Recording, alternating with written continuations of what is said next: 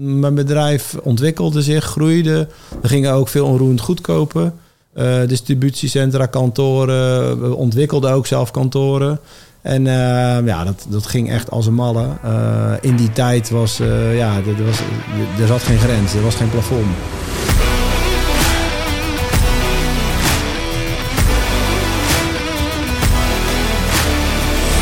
Yes, dames en heren, welkom bij weer een gloednieuwe aflevering van Racing the Bar. Mijn naam is Bart en naast mij zit natuurlijk favoriet van de show en marathonloper Stef Jansen. Zeker, ja. zeker. Ja, was een zware tocht. Oh, wat hebben we het zwaar gehad. Maar wel heel leuk. Ja. En wat was die aflevering vorige week goed. Oh, wat was die dik, hè? Ja. nou, je merkt al aan ons dat een beetje zitten te kloten, maar we, dit nemen we op voor de marathon. Dus ik hoop dat ik gelijk heb. Dat je inmiddels marathonloper bent. Daar gaan we wel vanuit, dames en heren. Ja, zeker. Absoluut. Maar um, dat wordt ongetwijfeld uh, mooi. Zwaar. Zwaar. Leuk. En uh, life-changing toch wel. Ja. Dat was het voor mij in ieder geval wel de eerste. Ik ben benieuwd met wat voor euforie ik de volgende aflevering op ga nemen. Ja, ja ik ook. Ik ook. Maar de mensen hebben het al gezien, dus dat is een keertje andersom. Juist, juist, juist, juist. Ja, leuk. Maar uh, genoeg over ons mm -hmm. en over onze uitdaging. Uh, want we hebben natuurlijk wederom een, een hele interessante gast tegenover ons zitten. En dat is uh, Jonathan Rijtsma. Dus welkom. Dankjewel. Dankjewel Leuk. dat je wilde komen. Ja. Dat vooropstellen. Ja, nee, zeker weten. En uh, waar wij uh, de laatste tijd ook wel meer mee bezig zijn, is oké, okay, bepaalde dingen zijn wij bijvoorbeeld niet goed in. Waar kan je dan het beste advies vragen? Nou, bij de mensen die er al een keer doorheen zijn gegaan of die het hebben meegemaakt. En wat dat betreft hebben wij tegenover ons een soort van encyclopedie op basis van levenservaring uh, uitgenodigd. Dankjewel. Dus, uh, Dankjewel. Nee, dat, daar, uh, daar kunnen wij natuurlijk heel veel van leren. Dus we vinden het super fijn dat je er bent. Ja, dankjewel. Wat een mooie intro. Ja, ja nou, dank je. Ja, Daarnaast ben je natuurlijk ook ondersteunende factor voor andere mensen momenteel. Ja. En dat is dan in de vorm van, van begeleiding of coaching. Hoe wil je het zelf noemen? Ja, coach. Ja. er zijn allerlei andere woorden die je erbij zou kunnen bedenken, maar... Ja coach zegt de meeste mensen wat. Ja. En vinden ze ook wat van. Ja, en een aantal afleveringen geleden hadden we uh, Jeffrey, die is dan ook coach, maar die merkt ook wel op. Er zijn tegenwoordig zoveel coaches mm -hmm. dat een heel groot gedeelte daarvan ook uh, kwakzalver genoemd kan worden. ja. Maar um, wat het belangrijkste is bij een coach, is dat diegene natuurlijk bepaalde ervaring heeft en bepaalde dingen heeft meegemaakt. Ja. En we zitten wel echt met iemand aan tafel die echt wel het een en ander heeft meegemaakt. Ja, we zitten dus... een beetje een beetje te teasen nu misschien, uh, maar we hebben natuurlijk een uh, kennismakingsgesprek van tevoren gehad. En net mm. daarvoor kregen wij een appje met een beetje jouw... met de waslijst, de, trauma waslijst. Ja. ja. precies. Die zijn gebeurd uh, ja. in jouw leven en dat moest verdeeld worden over twee appjes. Want ja. het limiet was inmiddels bereikt, volgens mij. Dus um, nou ja, dat, dat, dat zijn een hele hoop heftige dingen. Maar ook juist daardoor dus dingen waar je ongetwijfeld ontzettend veel van hebt geleerd. En uh, gelukkig ben je daar ook uh, heel open in, zoals je zei. Dus denk ik alleen maar dat dat super, super, super waardevol is voor mensen die nog niet in zo'n soort situatie zijn geweest. En dat zijn er dus een hele hoop verschillende. Um, om toch een soort van aanknopingspunten te kunnen uh, vinden in iemand die daar doorheen is gekomen. Dus vandaar dat wij super geïnteresseerd zijn in, in jouw verhaal. Ja. En bij de meeste mensen, als je vraagt waar is dat een beetje begonnen, dan is dat rond de middelbare school of daarna. Mm -hmm. Maar bij jou is het eigenlijk al een beetje begonnen voordat jij überhaupt uh, op deze aardbol was verschenen. Ja, nou in zoverre dat ik, uh, als je het hebt over lastige gebeurtenissen in je leven, ja. Hè, en dat kunnen grote of kleine dingen zijn. Um, ja, toen wij gingen kennismaken, dacht ik, oh, ik ga dat lijstje eens even maken. Mm -hmm. Dat was voor mij natuurlijk ook best wel confronterend. Dat ik denk, oh ja, ja. Had je die al of heb je die echt speciaal gemaakt? Nou, ik had die al een keer in mijn hoofd gemaakt. Ja. En uh, toen dacht ik, uh, wat zit daar eigenlijk allemaal nog tussen? En um, ja, laat je zeggen, een van de eerste dingen die best wel heftig zijn geweest. En waar ik eigenlijk pas later de impact van heb gemerkt, is het verlies van mijn zusje. Ja. He, dus ik was anderhalf, mijn zusje was vijf maanden. En uh, ja, op, op zondagavond werd zij ziek en op dinsdagochtend was zij overleden. Ja. En uh, in die tijd, hè, want ik maakte net al een grapje, ik heb natuurlijk een grijze baard, uh, 100 jaar geleden zullen we zeggen. Uh, ja, was dat, ging er heel, werd er heel anders omgegaan met het verlies, met rouw. Je, je ging gewoon door. Je moest mhm. door.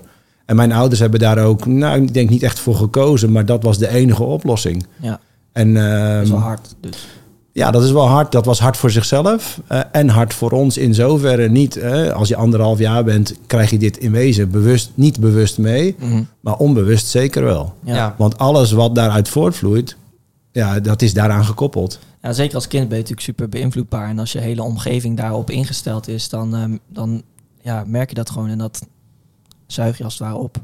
Ja, het, het wonderlijke van kinderen is dus dat er een, uh, en, en ook eh, volwassenen, onbewust uh, ga je zeg maar je aanpassen aan wat er in je omgeving gebeurd is. Ja. Dus ik heb tot heel lang nooit geen vragen gesteld over mijn overleden zusje. Mhm. je, je weet, je voelt, dit is te pijnlijk om aan te raken. Ja. En daar blijf je van af. En nu, in de laatste twee, drie jaar, zeg maar, gebeuren de hele bijzondere dingen. Ik kan het bespreken met mijn ouders. We zijn naar het grafje geweest. Mijn ouders waren daar nooit meer geweest. 46 jaar lang, hè. Uh, ja, dus dan, ja, dan voel je ook... Mijn moeder zegt ook, het voelt nu pas of alles op zijn plek komt. Ja. Ja, dat is natuurlijk... Ja, ik ben 47, dus ik bedoel... In mijn jeugd was dat dus niet bespreekbaar, maar het was er altijd. Ja. ja. En dat is toch een soort bruisend gevoel wat er dan heerst, denk ik. Of ja, het is, het is je, uh, als je erin zit, zeg maar, uh, dan weet je het niet. Begrijp je dat? Pas als je eruit stapt, dan ja. besef je het. Ja. Het stukje wat je net zei, je, je, weet niet, weet wat je niet wat je weet. Niet weet. Nee. En uh, door mijn werk, zeg maar, uh, als coach, en uh, dat doe ik vanuit de systemische kant, voel ik en zie ik al heel snel, dit is iets. Hè, want we zijn heel erg gewend en opgeleid in oorzaak-gevolg. Mm. Bepaalde dingen die ik deed, waren helemaal niet terug te leiden naar uh, die oorzaak. Mm -hmm. En dus heel vaak is het niet zo, zeg maar, in de uitdagingen die we als mens hebben, dat er een logische oorzaak-gevolgkoppeling is. Uh, het kan zo zijn dat er iets ergens anders gebeurd is waar jij als kind last van hebt en daar bepaald gedrag bij laat tonen, wat helemaal niet aan jou gelinkt is. Mm -hmm. Stel, jouw ouders lopen niet fijn samen, mm -hmm. uh, dat ga je onbewust laten zien. Nou, uh, dat is dus niet, heeft niks met jou te maken, maar je hebt er wel een uitdaging mee. Dus dat is heel erg uitdagend om dan te kijken. Je vroeg het bruist. Je, je voelt dat er ergens iets mis is op een gegeven moment als je bewustzijn meer ontwikkelt, mhm. maar je weet niet wat. Ja. ja. En dan kom ik vaak in beeld, als mensen allerlei dingen al geprobeerd hebben, op orde te maken, vaak op hoofdniveau. En zeggen ja, maar het lukt toch niet. Dan blijkt het ergens anders te zitten en dan zit dat ergens hier verstopt in dat lichaam. Ja, en dit is dan slechts één voorbeeld van, uh, van de hele lijst, uiteraard. Maar um, heb je dat dan gedurende echt je, je basisschoolperiode al echt gemerkt? Of dat je steeds sneller erachter kwam, of eerder erachter kwam van hé, hey, hier gebeurt iets wat niet normaal is of zo? Of? Ja, met, met andere dingen uh, wel, zeg maar, maar met dit niet. Dit was een soort van onaanraakbaar onderwerp. Ja. En niet dat mijn moeder zei, hier wordt niet over gesproken. Nee, ik vroeg er al niet naar. Ja. Dus je wist als kind, hier blijf je vanaf. En niet bewust, maar ergens voel je dat gewoon. Hier blijf ik vanaf. Ja. Er hing een heel klein lijstje bij mijn moeders werkplek met haar geboortedatum. Dat was het. Er was geen fotootje. Het is niet dat we op haar verjaardag iets herinnerden of, hè, weet je, of op haar sterfdag iets deden. Nee, het was, ja, het, het, was, het hing ergens. Ja. Zeg maar. dus, en dan door de tijd heen, uh, ja, achteraf zie je natuurlijk wel, ga je wel dingen begrijpen. Hè? De, de focus van uh, ik ben de eerste, de oudste, zeg maar, levende kind. Daarna is mijn zusje gekomen. Daarna heb ik nog twee broers gekregen. Um, de focus van, laten we zeggen, twee kinderen verschoven opeens weer terug naar mij. Mhm. Ja. En in zo'n dusdanige mate dat er uh, als een soort van laserstraal op mij gericht werd. Want we gaan toch hem ook niet verliezen. Mhm. Ja, precies. Als je natuurlijk een gezond kindje hebt, wat op zondagavond een beetje koorts krijgt en op dinsdagochtend verliest, dan staat opeens heel je wereld natuurlijk op losse schroeven. Want ja. uh, dit bestaat toch niet? Mm -hmm. Nou, en dat, en dat is wel wat ik wel gevoeld heb. Hè. Ik was de oudste en er werd heel erg naar mij gekeken. En uh, ja, de, de, de, er ontstaat dan een bepaalde focus die je ook wel voelt, als het ware. Een, ja. een druk. Een bescherming is niet het goede woord, maar een druk vooral. Zeg maar. ja. ja. Ik vind het wel bijzonder, want als zoiets gebeurt, dan zijn er eigenlijk meerdere manieren hoe je daarmee om kan gaan aan de ene kant kan je inderdaad vanuit de verlieskant denken met... oké, dit kan dus in één keer ook met Jonathan gebeuren, bij wijze van spreken. Ja. Um, maar aan de andere kant kan je het ook zien van...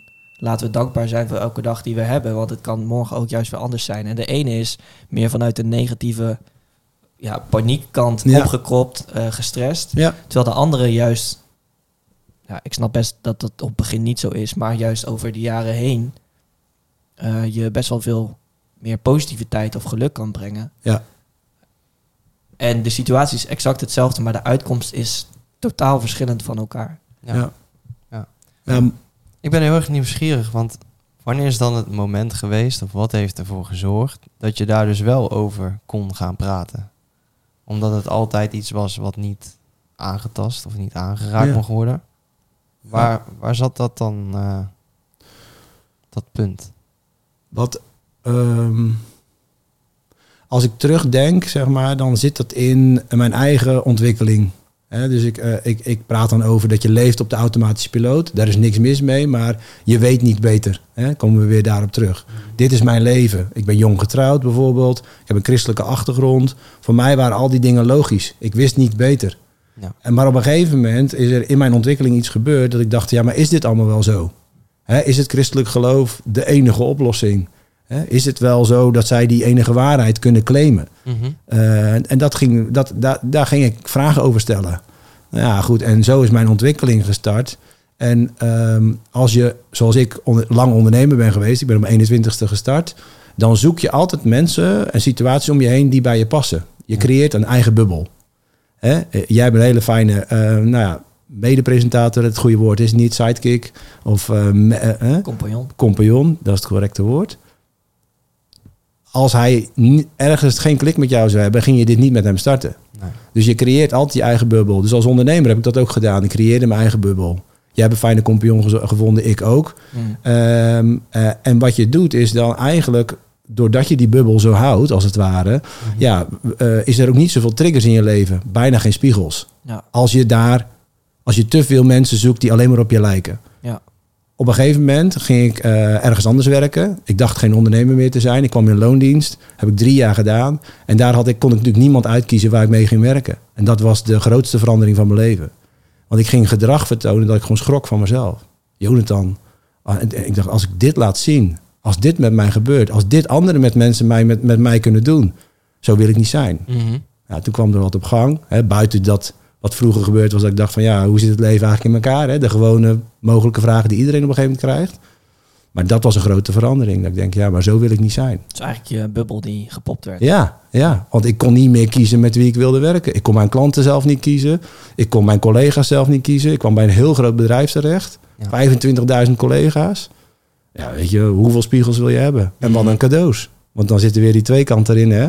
Je kan zeggen, ja, wat een drama. Nee, wat een cadeau. Mhm. Want daardoor ben ik uiteindelijk hier terechtgekomen. Ja. En ook, ook wat jij zei, het verlies van mijn zusje. Je kan het zien als last, hè, wat ik dan zeg. Maar je kan het ook zien als een kracht. Ja. ja. En dat is wat ik doe, van last naar kracht. Ja. ja, en ik denk dat uiteindelijk altijd heftige gebeurtenissen er wel voor kunnen zorgen. Moet je wel, uiteindelijk is het denk ik ergens wel een keuze maar dat die er wel voor kunnen zorgen dat je ergens exceptioneel goed in wordt. Ja.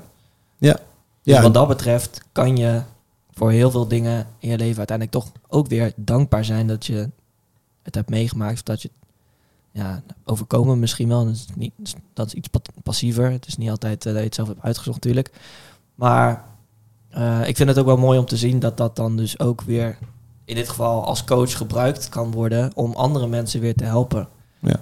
En wat ik ook mooi aan je vind, is dat je um, ook al tijdens die kennismaking zei van oké, dit is die hele lijst. Je mag overal over vragen, ik wil overal over praten, want ja, dit is gewoon ja. wie ik ben. Dat staat in de kracht. Dat is inderdaad ook wel, uh, wel bijzonder. Zeker als je kijkt naar hoe dat uh, eerst was. Ja. Dat je er niet over.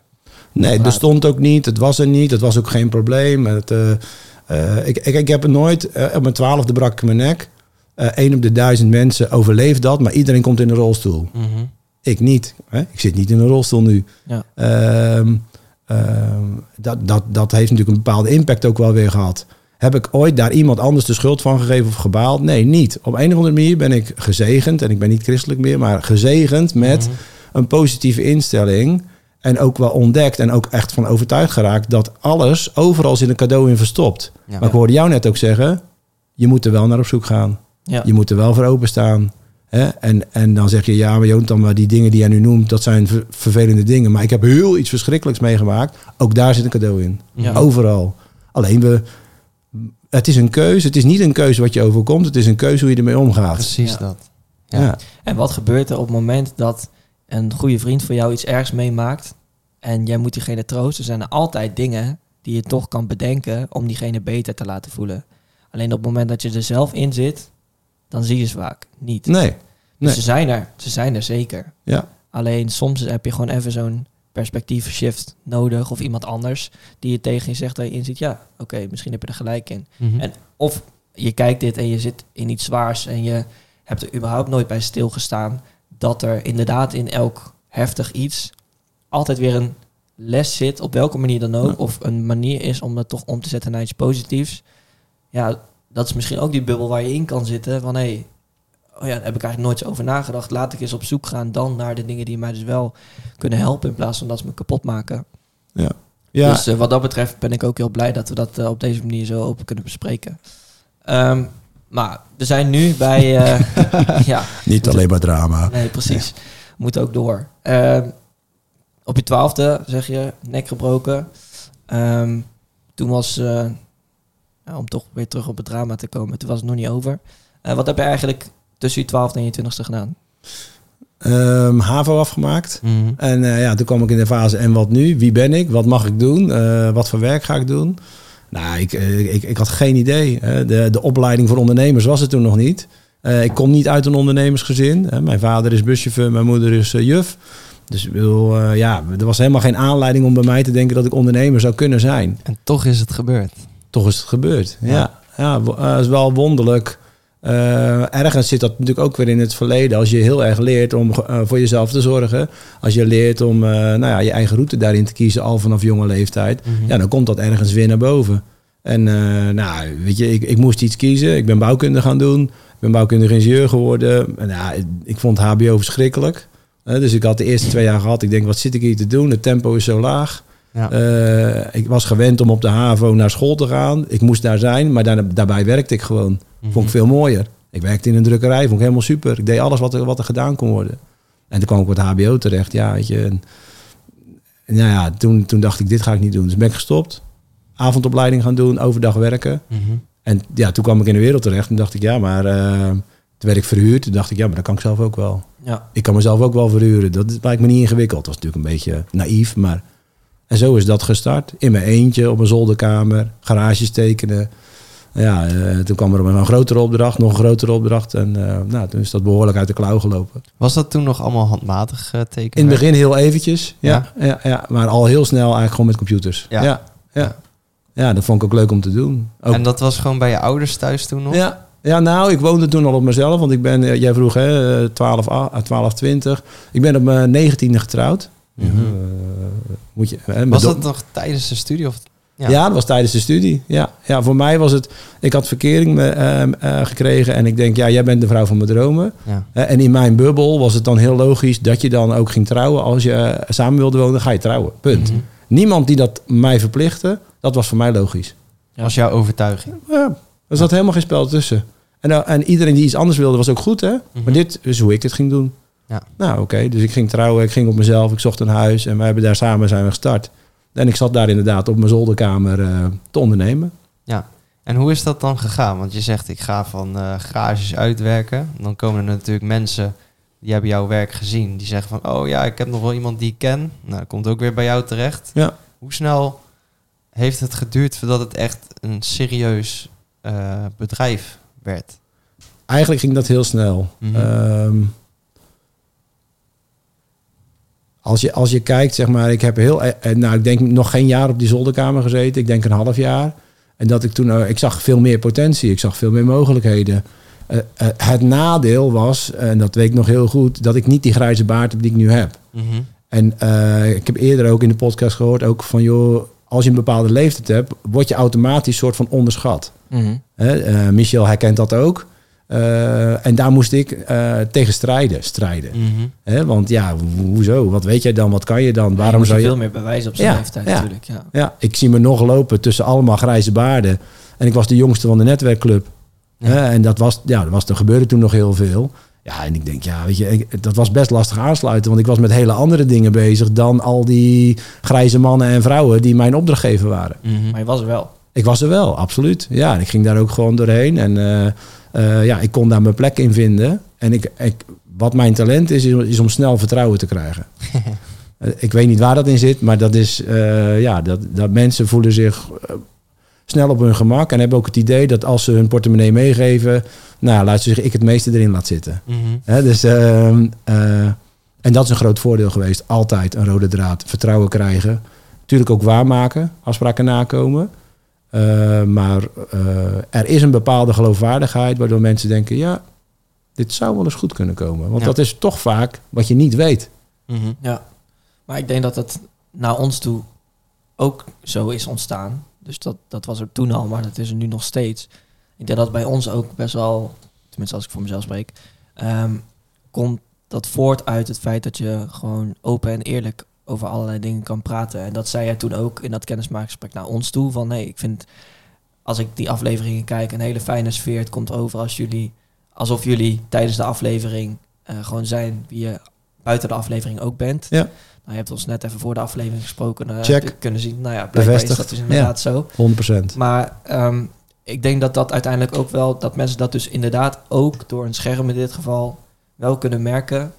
En nou ja, dat had jij dan blijkbaar ook ja. of zo. Ja, maar dat is natuurlijk een heel fijn iets om te gaan beseffen. Ja, hè? dat dus je dat in huis Dat je dat, ja, dus weet ook wie je bent. Mm hè? Dus ook als je 22 bent, weet je, uh, onderzoek jezelf. Wat, wat kan ik? Wat heb ik te bieden? Uh, wat heb ik meegemaakt waar ik een stuk talent uit kan halen? Hè? Want we zijn allemaal op zoek naar onze soort van, wat is onze bijzondere gave? Onze bijzondere gave is waar we heel goed in zijn. Wat we makkelijk doen. Makkelijker dan onze andere vrienden. En zo mhm. hebben we allemaal talenten. Alleen je moet dat talent moet je natuurlijk dan om kunnen zetten naar, het hoeft niet per se geld te zijn, maar naar een dienst. En fijn ook als daar geld uit komt. Ja. En ervaring. Ervaring opdoen. Hè? Dus, uh, maar het begint ergens te zoeken naar niet buiten je, maar in je. Mhm. Het is er gewoon. Ja. Ja, en dat is ook iets wat we bijvoorbeeld met uh, Johan Kerkels uh, bespraken toen hij het had over zijn SMV-model. Dus je story is waar het uiteindelijk allemaal begint.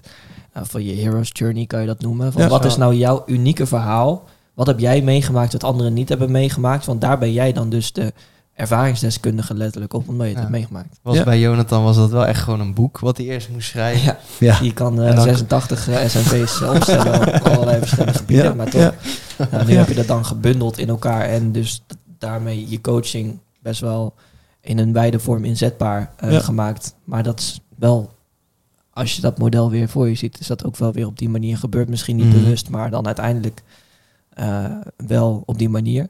Um, rond die tijd, uh, of, of dat was misschien iets later, uh, zat je ook nog wel in een andere redelijk unieke situatie.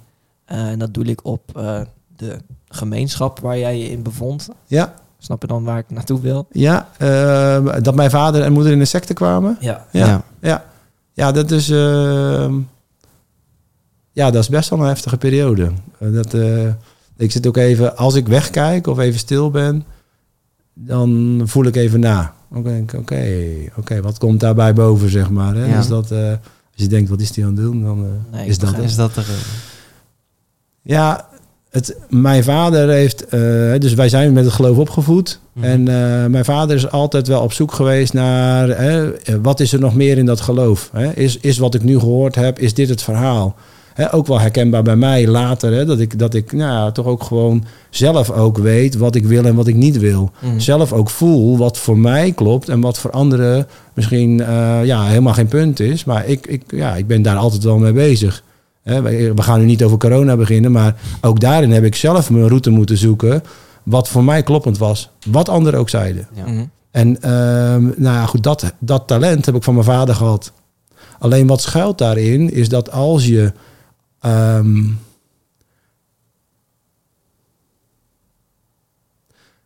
als je op een gegeven moment de weg kwijtraakt, dus ook niet meer voor de boodschap van anderen open staat. Mm dus ik kan met jullie een gesprek hebben en, je kan, en we zouden een discussie kunnen hebben. En ik zeg wel ja, maar ik hoor niet wat je zegt. Mhm. Of ik laat het niet binnen. Je bent alleen aan het wachten totdat je zelf mag zeggen. Ja, ja, ja. dan komt er niks van wat jij me wil geven. Want dat is een discussie. Hè? Een discussie is geen wedstrijd. Jij wil me iets geven.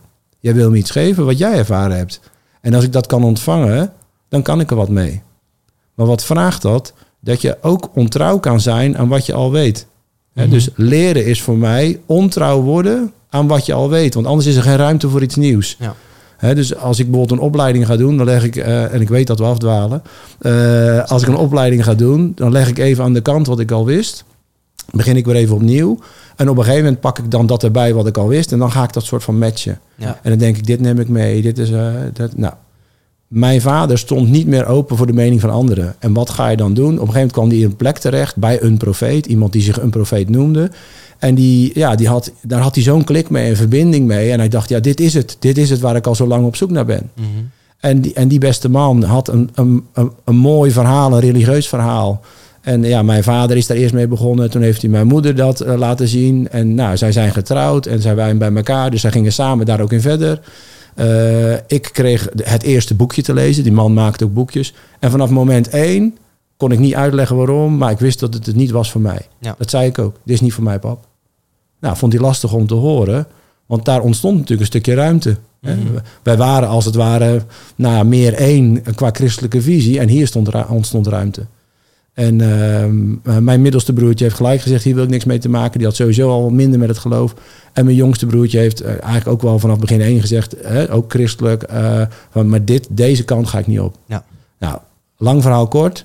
Uiteindelijk zijn zij, hebben ze een huis verkocht, hun spullen weggedaan. Ik kwam daar dan aanrijden op een woensdagmiddag en dan stonden mijn fotoboeken op de stoep. Hm. Ja, denk je, dat is toch heel gek natuurlijk, hè? als je ouders dat doen. En dan liep ik naar binnen. Ik zeg, wat is er met mijn fotoboek aan de hand? Ja, wij hoeven ze niet meer. Jij kan ze meenemen of we gooien ze weg. Wow. Wow, denk je wel, hè? En uh, nou, dat komt natuurlijk wel binnen. En dat is een proces van vijf jaar geweest. Hè? Dus dat gaat heel sluipend van iets heel subtiels, wat afwijkend van hoe ik het zie, tot iets heel extreems. Dat ze uiteindelijk de sleutel van hun huurwoning gaven, want ze hadden een woning verkocht. En zeiden, nou ja, hier is de sleutel. Haal het maar leeg of doe maar mee wat je er wil. Wij hebben niet meer nodig, want wij gaan naar de hemel. Ja. Als je meer details wil, kunnen we dat. Maar ik probeer het ook enigszins compact te houden. Mhm. Wat we op dat moment natuurlijk gedaan hebben, is afscheid genomen van onze ouders. Dus op dat moment, mijn ouders gingen niet dood, maar zo voelden het wel. Ja. En ik heb de sleutel gekregen. En samen met mijn broers hebben we het huis leeggeruimd. Ik dacht natuurlijk, ja, jullie gaan niet naar de hemel, want er komt niemand jullie halen. Ehm, maar ik was natuurlijk wel bang, bijvoorbeeld voor zelfmoord. Hè? Met elkaar iets drinken en klaar.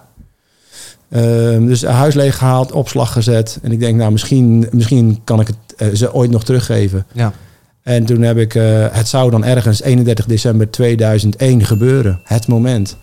En uh, in januari heb ik ze gebeld. Want ik had nog wel een nummer van ze. Ik denk, ja, misschien als, kunnen ze in de hemel ook bellen. Dus nou, mijn vader nam op. En ik kon hem toen vertellen, pap, wij zijn zwanger. Mijn oudste zoon was in aantocht. ik zoek nog een opa en oma. Ja. Nou, toen was het natuurlijk wel stil aan de andere kant. En uh, ja, ja, uh, ja, we zouden wel terug willen komen. Dus, nou, toen is dat weer op gang gekomen. Ja, en dan nou, 2011, dus we zijn nu, laten we zeggen, 12, 13 jaar verder. Mm -hmm. En ja, nu heb ik weer een fantastische relatie en verbinding met ze. Maar ik, ik ja, ik, ik, als ik ze in de toekomst ooit nog een keer moet begraven, is dat de tweede keer. Ja, ja. Wel uh, respect dat je dat gewoon zegt, man. Dat vind ik echt heel knap. ja, ik moest ook net eventjes denken van, ja, ja, weet je... Soms kan je die dingen heel erg wegstoppen. Mhm.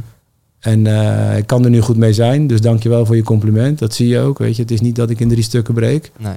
Maar het is natuurlijk een heel intense periode. En ja, ook nu zitten daar nog wel sporen van natuurlijk. Ja, ja.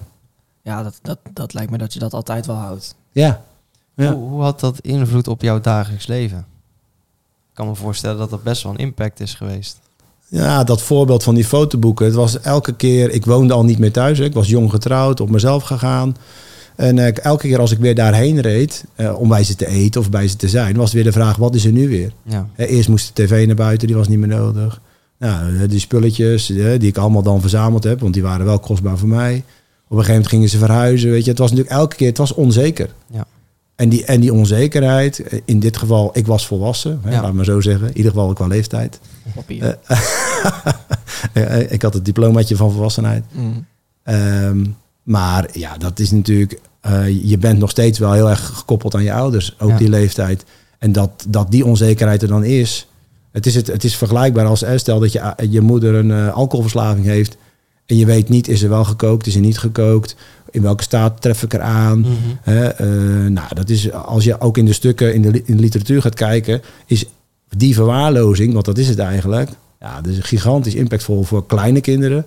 Ja, goed, uiteindelijk ook voor wat oudere kinderen. Ja, ja tuurlijk. En toch heeft het allemaal niet uh, jou weerhouden van het succesvol worden in dat wat je aan het doen was. Nee, nee want ik, heb, ik was toen mijn bedrijf aan het bouwen in die periode, hè, 21. Dus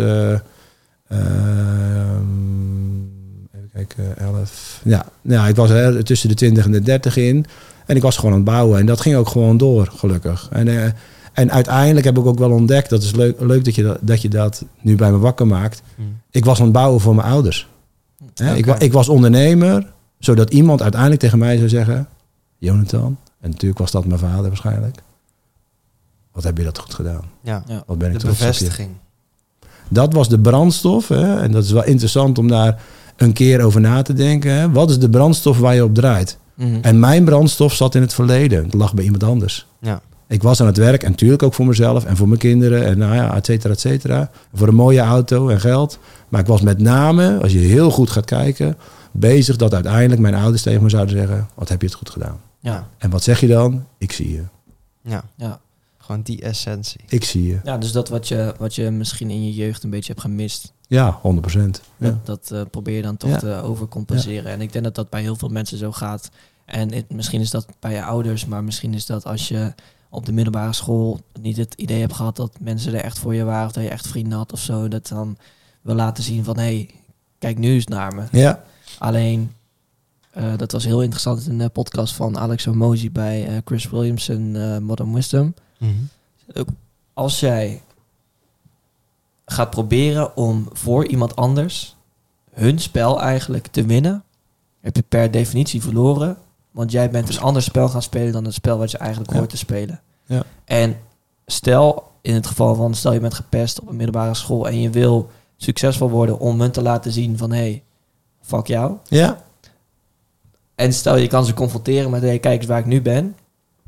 Wat voor reactie denk je dan dat je krijgt? Dan word je gewoon uitgelachen met, joh, ben je al die tijd voor mij nog, heb ik al die tijd nog in je hoofd gezeten? Het was maar een grapje. Ja, bij wijze van. En dan, dan heb je dus alsnog niet die satisfaction, ondanks dat dat wat je wilde bereiken, dat doel, dat je dat wel hebt bereikt.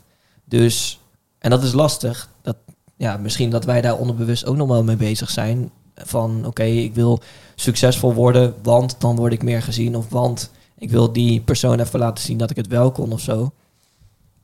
Maar eigenlijk heb je dan al per definitie verloren. Ja, je, wat je doet is, je, dus ik noem dat, je draait op brandstof uit het verleden. Mhm, ja. En die brandstof uit het verleden, die is er niet. Dus je bent iets aan het lenen wat er niet is. Dan moet je ergens weer inleveren. Mm Zo is het. Het is allemaal in balans. Dat kan niet anders. Je kan niet ergens iets weghalen zonder dat het iets kost. Dat is altijd zo.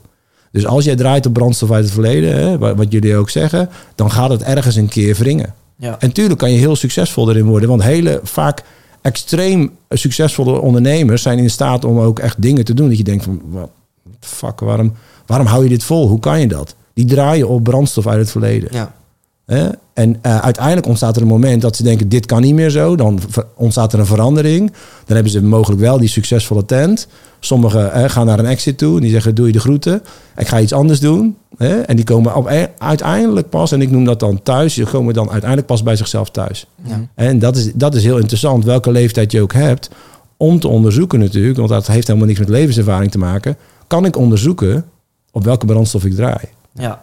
Durf ik dat aan te kijken? Ja er zijn ook genoeg die wel dus op zichzelf draaien. Ja. En dan de, de enige manier om het dan uiteindelijk te overwinnen is om gewoon zo groot en succesvol te worden dat diegene die jou in het verleden iets heeft misdaan, gewoon zo ver in jouw schaduw verdwijnt dat het niet eens meer relevant is. Nou ja, en ik denk dat het nog veel interessanter is om helemaal niet met die ander bezig te zijn. Ja, nee, natuurlijk. dus maar dat, dat gebeurt automatisch ook wel een beetje op het moment dat je op je eigen brandstof draait, toch?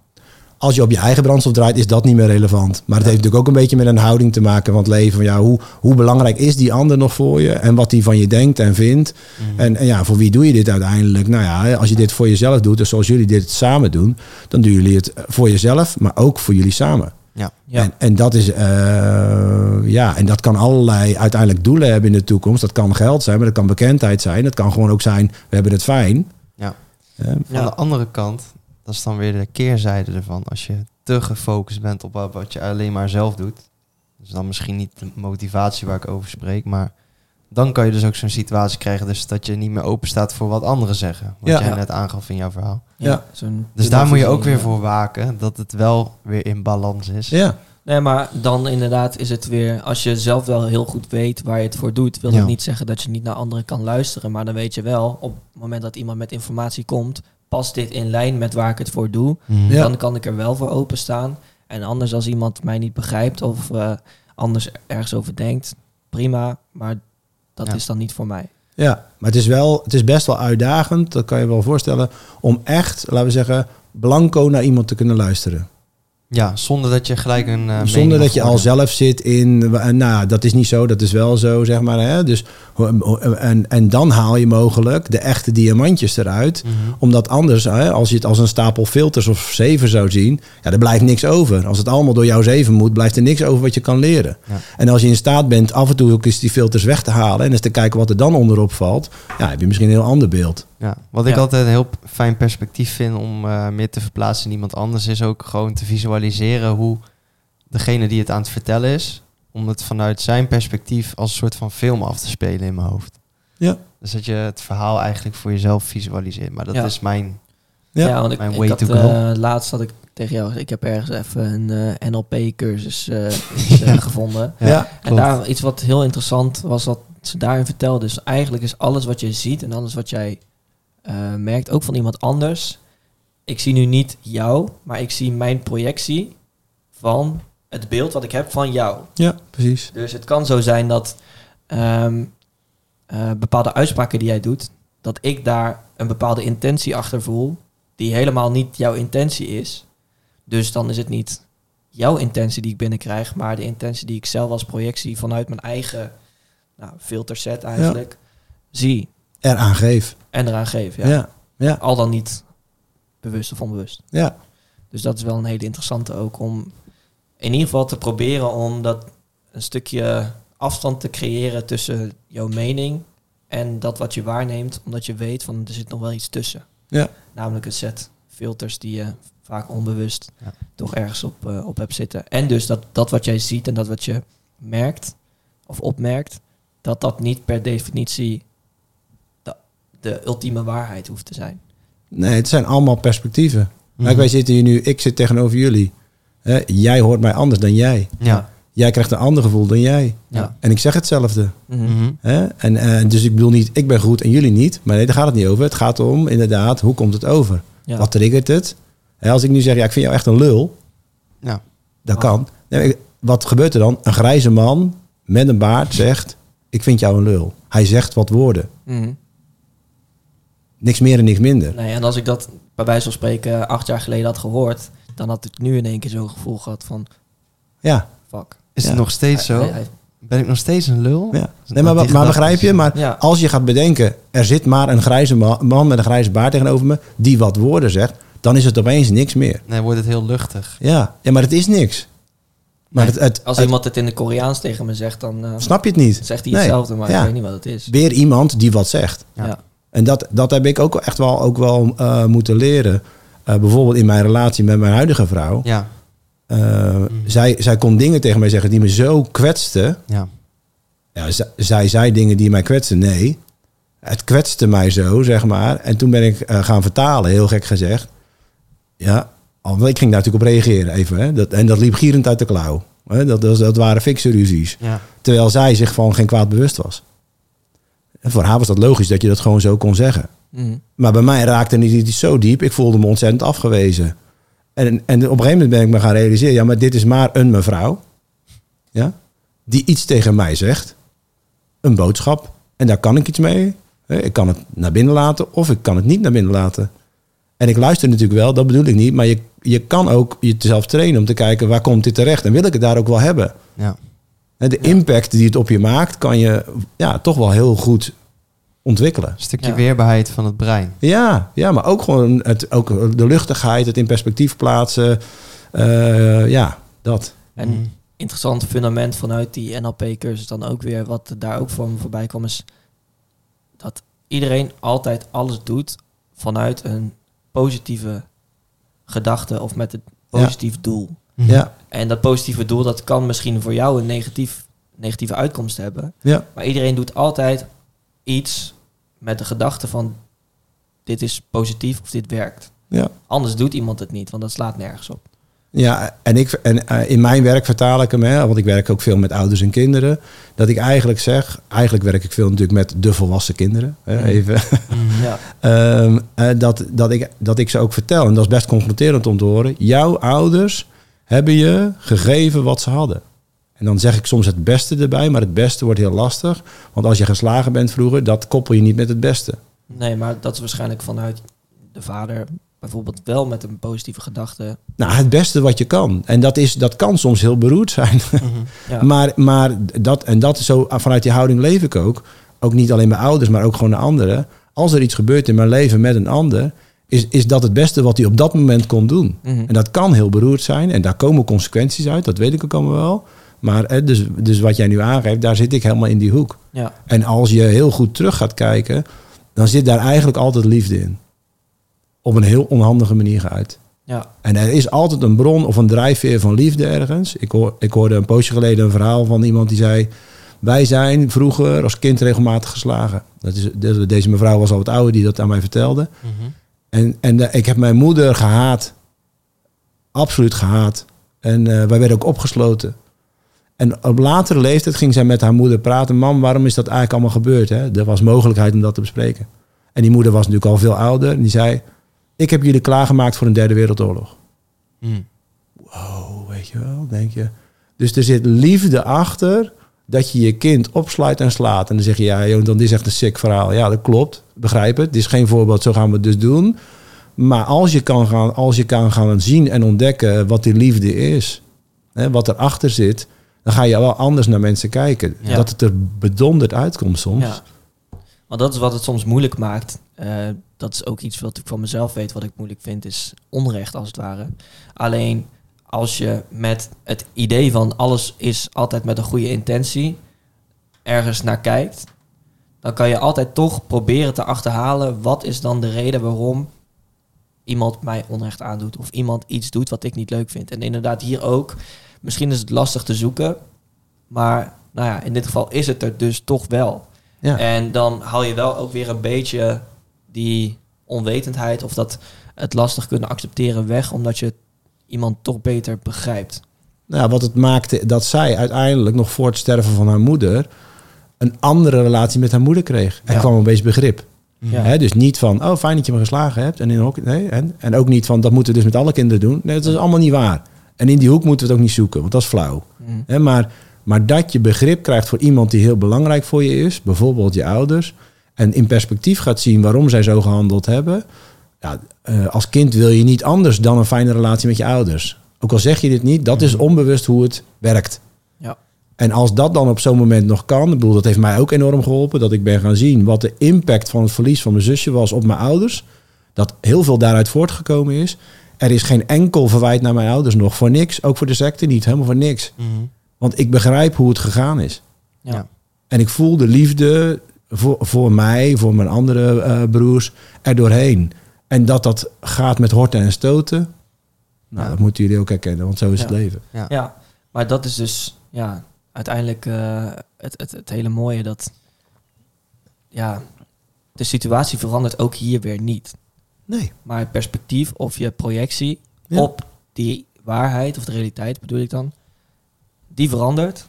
Waardoor jouw hele reactie erop ook verandert. Ja. En je hele nou, gesteldheid, als je erop terugkijkt, verandert daarmee ook. Ja. En dat is best wel bijzonder, want het zijn ook alleen maar bijvoorbeeld woorden of geluiden, als je het nog abstracter ja. maakt, die dus jouw hele gevoel of jouw hele idee bij jouw verleden totaal veranderen. Ja. maar ja. je hebt ook wel situaties dat je dus heel graag op zoek bent naar het antwoord waarom dat iets is gebeurd. Mhm. Maar dat die andere persoon daar nog niet voor open staat om dat met je te delen. Ja. Is dat ook iets wat jij dan uh, terug ziet komen met de mensen die je helpt? Ja, ik, uh, ik heb uh, gisterochtend, ik doe workshops familieopstellingen. Dus dan doe ik uh, drie familieopstellingen. Een familieopstelling is eigenlijk dat iemand komt met een persoonlijke vraag. Mhm. Dat er een groep mensen aanwezig is. En dat we onder mijn begeleiding of op een andere plek door iemand anders, zeg maar, kijken naar wat we met die persoonlijke vraag kunnen. Ehm, en ik had uh, nou, twee opstellingen waarin die behoefte er heel erg was. Hè? Uh, hè, dat het, waarom is dit zo gegaan? Hoe is dit dan gegaan? Of uh, ik wil wel heel graag gezien worden, kan je mij zien? Ja. Ehm, en dat dat gewoon niet lukte. en dat, dat dan het antwoord ook niet komt. Mm En dan komen we weer op die brandstof in het verleden. Als je dus daar niet dan door kan, los kan laten dat wat jij nodig hebt van bijvoorbeeld je ouders of een vriend of een vriendin niet gaat komen, ja. Dan blijf je daarin hangen. Mm -hmm. En dan staat alles stil. Ja. dus, dus ja, die zoektocht is er. Komt het antwoord niet, ja, blijf er dan niet in hangen, want het werkt je gewoon tegen. Ja. laat het dan los en accepteer de realiteit zoals die nu is. Het is er nu niet. Punt. Ja. En vanuit daar kan je dan wel weer door. Ja, ja maar dat klinkt makkelijk. Nou, het klinkt niet, het is in zoverre makkelijk gezegd. En het is inderdaad niet makkelijk zo te, te zien. Maar uh, als, je, als je de. Kijk, als je, als je de werkelijkheid kan accepteren zoals die is, altijd, zeg maar, heb je een heel fijn vertrekpunt. Mm -hmm. Weerstand tegen de werkelijkheid, heeft jullie dat al iets opgeleverd? Nee, ik heb hier ook wel een uh, bepaald inzicht door gekregen afgelopen jaar. Ja. En, het, en het is uh, ja, het is makkelijk gezegd. En ehm, alleen je bent soms gewoon voor bepaalde dingen nog niet klaar. Mm. dus gisteren ook een opstelling waar iemand nou, een bepaalde handeling nog moest doen. Dat ging gewoon niet. Het was nog te vroeg. Zij wilde zo graag. Maar ik, zei, ik kon aan alles zien dat het nog niet kon. Ja. Nou ja, en dat is hard. Ja. En dan ben ik ook, hè, dus dat is ook, dat is ook mijn instelling als coach. Ik kan niet overal een strik om maken. Dat is ook helemaal niet de bedoeling. Ik kan je laten zien wat er is. En dan kan jij verder met wat er is of niet. En dat is aan jou. Ja. ja. ja. En aan de andere kant kan soms weerstand met de werkelijkheid, met de realiteit, ook weer een soort van vlammetje zijn om ervoor te zorgen dat dat niet meer zo is. Klopt, maar dat begint met het is zo. Ja, dat is waar. Hè? Het is zo. Hè? Uh, wil je de wereld redden? Hij gaat nu naar de kloten. Mm -hmm. Ik zeg niet dat het zo is, maar dat zou. Hè? Oh, ja. Oké. Ja, en dan inderdaad... Ja, dus inderdaad accepteren en daarna daarop handelen. Alle verandering start met accepteren. Accepteren en erkennen dat het zo is. Ja. En dan inderdaad, dan mag je best daarop vlammen natuurlijk, absoluut. En dat je heel erg gemotiveerd bent om iets te doen, ook als de wereld redden of een mooi bedrijf starten, mhm. absoluut. Maar als je voorbij gaat aan wat er was, ja, dan geloof ik niet in. Nee, ik denk ook dat dat een onderdeel is van juist vechten tegen hetgene wat er dan is. Ja. Ja. Ik heb een heel mooi metafoor meegekregen afgelopen jaar. Dat was, je hebt dit glas en dan, je kunt er een paar dingen mee doen. Je kan hem of vastpakken en je zet hem hier neer en het, het staat er. Dat is eigenlijk de allerbeste optie, want het is er wel, maar het kost je geen energie. Precies. Je kan er heel erg op focussen, dus dan ga je helemaal bestuderen van ja, wat is dat nou en uh, hoe komt dat nou en wat, hoe ziet het eruit. Kost heel veel aandacht. Denkkracht. Kan je niet meer focussen op andere dingen. Of je kan heel erg gaan vechten en dan ga je het zo ver mogelijk van je afhouden. Maar ja, ga dit maar eens vijf minuten doen. Kost heel veel energie. Dus dat verhaal wat jij nu zegt, ik kan er heel goed in verplaatsen. En elke keer als iemand over zoiets als dit begint, dan heb ik dit plaatje in mijn hoofd. Van, ja. kan met een beker, een blaadje of wat dan ook zijn. Hou ik dat altijd als spiegel voor me. Dus ik vind het heel mooi dat je dat nou meegeeft ook aan de kijkers. Want ik denk echt dat dat iets waardevols is wat je kan pikken uit deze aflevering. Maar goed. Ja, ja, en ook zeker als je kijkt naar de, de cijfers op het gebied van uh, depressies. En, ja, één op de acht. Mentale, mentale gesteldheid, al die dingen. Um, uiteindelijk moet iedereen een eigen manier vinden om daarmee om te gaan. Ja. Maar komt het dus, zoals we net eigenlijk hebben mhm. geconstateerd, uh, altijd neer op acceptatie. In eerste instantie. En dan kan je door. Ja. ja. En dan, of kan je, mogelijk mag je dan door. Mm -hmm. ja. ja. Al deze inzichten, wat zijn dit dingen die je ook al wist tijdens jouw ondernemerstijd? Of zijn dit allemaal waardens die je, of dingen die je hebt geleerd nadat je je bedrijf. Uh, ja, ik denk wel dat. Ja, ik denk wel dat dat van de laatste jaren is. Zeg maar de laatste vijf jaar. Dat ik zelf natuurlijk ook in een traject terechtgekomen ben van mhm. verandering. Uh, dat je anders gaat kijken naar dingen. En daarin is de voedingsbodem natuurlijk wel eerder gelegd al. Ja. En ehm, eh, kijk, we, we, hadden het net over het christelijk geloof. Kijk, uiteindelijk zitten daar ook dingen in die, die ik nu nog weer meeneem. Mhm. ik, ben niet, ik, ik ga niet meer naar de kerk en ik, ik, ik deel dat ook niet meer rond. Uh, maar dat dat voor mij waardevol is geweest en natuurlijk een hele periode heel belangrijk geweest is in mijn leven, absoluut, dat mag er ook helemaal zijn. Daar heb ik ook geen oordeel over. Mhm. maar, ik, maar ik heb wel, hè, een van mijn kernwaarden is in je waarde laten. En je kernwaarde is heel interessant om te weten. Hè. Je kan er zeven of dertien of drie kiezen, maar ik, ik heb er dan zeven zeg maar, die voor mij prominent zijn. En in je waarde laten betekent dus ook dat als je christen bent, dat mogelijk een moslim uh, ook een heel uh, ja, goed en duidelijk en slim en fijn geloof is. Of een boeddhist of een hindoeïst of wat dan ook. In je waarde laten betekent dat de ander er volledig mag zijn. Mm -hmm. Zoals die is. En dat je niet de intentie hebt ook om maar iets aan die ander te veranderen. Ja. ja. En, en dat, sorry, dat, en, en dat vind ik is voor mij heel belangrijk. Dus hè, ik voel me hier dat ik mag zijn wie ik ben. Daarom kan ik hier ook zitten. Uh, en mogelijk is dat voor jullie ook van waarde. Mhm. hè, en dan werkt het.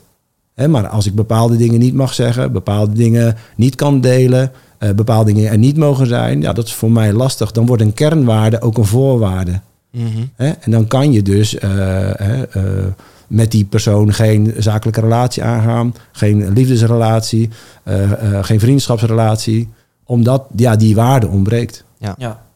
Ja, en daarbij wat ik dan daar weer aan link, het is iets wat ik uh, laatst in de podcast nog heb genoemd, is ehm, dat iedereen uiteindelijk een eigen waarheid heeft. En op het moment dat die waarheid, uh, of dat je daarvan overtuigd bent dat, dat, dat die voor jou klopt, dan uh, helpt het jou ook. Ja. En ook wat ik net zei met dat stukje, um, ik zie nu een projectie vanuit mij van jou op het moment dat je dat zo ziet en dus dat uh, dat voor jou dan de waarheid is, zorgt er ook voor dat ik niet bij Stef wil gaan opleggen van maar Jonathan is dit. Ja. Mhm. Want Jonathan is dat voor mij. Ja. Maar dat wil niet zeggen dat jij hem op dezelfde manier ziet, want mijn hele beeld van jou in dit geval kan ook van jou zijn uiteraard. Uh, wordt ook weer gevormd vanuit dingen die ik zelf heb meegemaakt, bepaalde dingen die ik zelf belangrijk vind. Je brillen. Stel, ik ben zelf heel onzeker over um, mijn neus, bij wijze van. Ja. Dat is niet het geval, maar stel dat zou zo zijn. Dan zie ik jou misschien op een andere manier, omdat ik meer let op jouw neus ja. dan jij. Ja, precies. Een heel dom, maar nee, wel duidelijk goed voorbeeld, denk ik. Het is geen dom voorbeeld, het is een heel goed voorbeeld, precies. Ja. Maar dus daarom, uh, en dat is ook wat jij zegt in je waarde laten, uh, kan het ook voor iemand heel goed werken om moslim te zijn, omdat dat ervoor zorgt dat hij de juiste beslissingen maakt of zich zelfverzekerder voelt of gelukkiger is. Ja. Ja. Prima. Ja. Het is allemaal goed. En het is allemaal blijkbaar voor waarde voor die ander. Dus waarom zou ik dan proberen jou op een andere plek te brengen? Ja. Kijk, als iemand naast mij komt als uh, in de coachstoel, zeg maar, dan is mijn houding en mijn intentie ook: ik wil niks aan jou veranderen. Mm. Alles voor mij aan jou is goed. En dan zeggen ze, maar, uh, ik zeg, maar misschien wil jij wat veranderen, maar dat begint wel met weer accepteren dat het nu zo is als het is. Maar ik heb niet de intentie om iets aan jou te veranderen. Ik denk dat dit echt een coach is. Kijk, als je nou heel vaak een, iemand hebt die iemand uh, wil begeleiden, want zo zie ik coaching, dan wilt hij jou een bepaalde kant opsturen. En wat jij nou omschrijft is gewoon, je moet zelf weten met wat, wat je ermee doet, wat ik vertel. Dat is jouw manier. Ja. Het is voor mij allemaal prima. Ja, maar dat is het ook. ik hoef jou niet in die hoek te duwen. Nou, sterker nog, en dit, dit gaat. Eh, ik weet niet of iedereen me dat in dank afneemt, maar ik heb de intentie en de houding om. Uh, als ik jou moet verliezen met wat ik denk jou te moeten vertellen, verlies ik jou liever. Ja. ja. ja dus het gaat mij niet om. Uiteindelijk wil ik boterhammen, dat vind ik heel fijn. Maar uh, uh, wat ik jou laat zien, is wat ik jou kan laten zien. Ik ga niet in jouw straatje praten. Nee. Ik ga jou laten zien wat ik denk dat jij nodig hebt. Of wat jij, waar je iets aan zou kunnen hebben. Wat jij ermee doet is aan jou. En uh, als je het onprettig vindt, is dat ook aan jou. Ja, en dat is precies dat stukje. Jij doet het met een positieve intentie. En iemand anders kan het waarnemen als iets negatiefs. Ja, ja maar het kan natuurlijk heel, heel ingewikkeld zijn. Ik bedoel, ik had, ik had zaterdagochtend nog iemand tegen me zei... Ik heb nog nooit een klootzak als coach gehad. Maar jij bent echt een klootzak. En ik zei, ja, dat klopt. En hij, en hij zei het en er, zat, er kwam een glimlach achteraan. Maar ik heb dit wel nodig. Ja. ja. Maar daarom vind ik ook, uh, zijn er bepaalde dingen die mij, uh, waar ik wat minder sympathie voor voel. Omdat um, die dingen meer als opgedragen voelen. Waarbij mensen hun eigen projectie bij iemand anders willen opdragen. Ja, Denk precies. aan de hele woke cultuur. Ja. Die het heel belangrijk vinden dat dat wat zij vinden, dat iedereen dat vindt. Ja. En als je dat bij mensen door hun neus gaat boren of uh, echt mensen naar binnen gaat proppen, dan denk ik, ja, ik vind het, ik vind het gewoon niet interessant. Dit, dit past niet bij mijn blik op de wereld. Dus hou mij hier alsjeblieft buiten. die mensen vergeten dat eigenlijk bijna niemand het echt heel belangrijk vindt wat zij doen. Nee, en ik kan me voorstellen dat ehm, als je een bepaald gevoel hebt dat je niet geaccepteerd wordt, dat je dan heel erg graag geaccepteerd wil worden, dus het maar van de daken gaat schreeuwen. Maar voor heel veel mensen is het ook totaal geen issue. Nee. En als je dan bij die mensen jouw issue wil opdragen van nu is het ook jouw probleem, voor mij is het geen probleem. Nee. En er zijn mensen die inderdaad daar wel een probleem mee hebben, dat je die wil veranderen of wil beïnvloeden, dat begrijp ik, maar daar hoef je niet de hele wereld mee om te gooien. Nee, en de vraag is dus, is dit de manier om dan iets te veranderen? Ja, want bij mij levert het alleen maar weerstand op. Ja, hè, dus, dus al, en als je dan vanuit de ondernemer denkt, dan zoek je eigenlijk uh, gelijkgestemden. En, uh, en er zijn natuurlijk allerlei acties om iets te gaan doen, maar je wil eigenlijk dat je groep groeit om te laten zien dat, dat dit waar je mee bezig bent een belangrijk onderwerp is voor meer mensen dan alleen voor jezelf. Ja, en de indruk die ik dan krijg is net zoals wat jij vertelde, dus ook in de secte zo, zit je in je eigen bubbel en is dat jouw waarheid. Ja. Uh, hoe dat nu groeit is ook, iedereen heeft toch iemand gevonden, dus dat is die bubbel. Maar het feit dat die bubbel allemaal hetzelfde denkt, wil niet zeggen dat alles buiten die bubbel ook hetzelfde moet gaan denken. Nee. nee. En die bubbel gaat tegenwoordig overal mee naartoe in de vorm van een telefoon. Ja, dus je, bent nooit, je bent nooit gedistanceerd van die bubbel. Nee. En inderdaad, daarop inhakend, je, je hele wereld wordt veel meer verbreed door de social eh, media. Maar het algoritme is er ook zo op gebaseerd dat jouw bubbel in stand blijft. Omdat daar de meeste engagement in zit. En daar dus uiteindelijk ook het meeste geld, omdat daar meer retentie dan op zit. Mhm. Dus dat wordt daarmee ook in stand gehouden. Waardoor uiteindelijk ook die hele segregatie tussen groepen uh, vergroot wordt. Dat is natuurlijk iets wat in Social Dilemma, die documentaire op Netflix, ook duidelijk naar voren wordt gebracht. Het wordt groter, maar het wordt eigenlijk ook kleiner. Ja. En je wordt, je wordt als je niet wakker bent, dan kom je ongewenst in een hele kleine bubbel terecht. Die kan wel heel groot zijn met heel veel mensen, maar qua gedachtegoed heel klein. Ja. en, en, en, en is er ook geen enkele. Uh, manier om daar naar buiten te komen. Want je blijft maar gevoerd worden met uh, ja, wat voor jou passend is en wat je eerder hebt gekozen. Mhm. En wat mogelijk in jouw straatje past. Ja. Er komt niet zomaar iets anders tussendoor. Ja, ja en ook als je dan kijkt naar uh, wat jij vertelde met als vader niet meer luistert naar wat er van buiten komt en alleen maar zijn eigen ideeën, waarheid aanhoudt. Um, ja, dat, dat zie je daar ook gebeuren. Als er discussies worden gevoerd met mensen binnen die bubbel, en op een gegeven moment komen we met een argument waar zij niet uitkomen, dan is het in één keer klaar. Ik, ik wil niet met je praten, bla bla bla. En dit zijn nu ook een aantal voorbeelden. Hè. Het wil niet zeggen dat dat voor iedereen daarin geldt. En ik heb het is niet dat ik, uh, dat ik daar de hele dag mee bezig ben. Zo kan het misschien nu overkomen. Maar het is meer als we inderdaad kijken naar waar we het net over hadden, is dat een voorbeeld voor mij waarvan ik denk dat strookt dus niet met iedereen in zijn waarde laten en nee. iedereen zijn eigen waarheid in stand laten houden. En op het moment dat je dus andermans waarheid zo extreem wil gaan beïnvloeden, dan krijg je denk ik juist alleen maar weerstand. Ja. Maar kan je dus nog luisteren naar de ander en horen wat hij eigenlijk zegt? Ja. En wat komt er dan eigenlijk mee? Wat komt er nog meer door uit die persoon? Dus dan kan je daar ook voor openstaan. Ja. Stel dat jij een opmerking maakt die mij raakt, maar ik weet wat van jouw achtergrond is het een heel andere binnenkomst dan dat het zomaar binnenkomt. Mhm. ja. En zou je er ook voor open kunnen staan dat er mogelijk een achtergrond achter jou zit die met jou meekomt, waardoor je dit zegt. Ja. En dan, uh, uh, dan ja, kan ik met veel meer compassie naar de ander kijken. Mm Dat is wat anders dan medelijden, maar, hè, maar met veel meer liefde.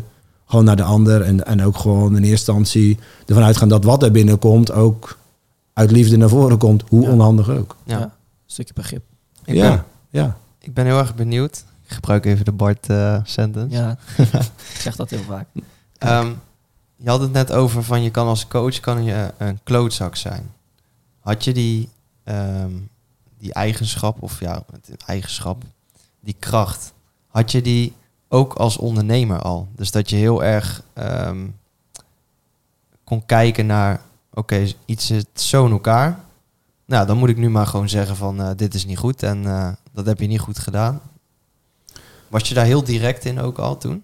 Ik, uh, mijn talent is duidelijkheid. Ja, oké. Okay. En uh, Wat daarbij gekomen is, is dat ik uh, in de coachpraktijk zeg wat ik denk dat er nodig is voor die ander mhm. om een nieuwe keuze te krijgen. Ja. En uh, dat vertaalde hij als een klootzak. Ja. zeg maar, we hebben allemaal andere interpretaties van een klootzak. Mm -hmm. maar uh, ja, ik schroom dan niet om te zeggen wat ik vind. Ja.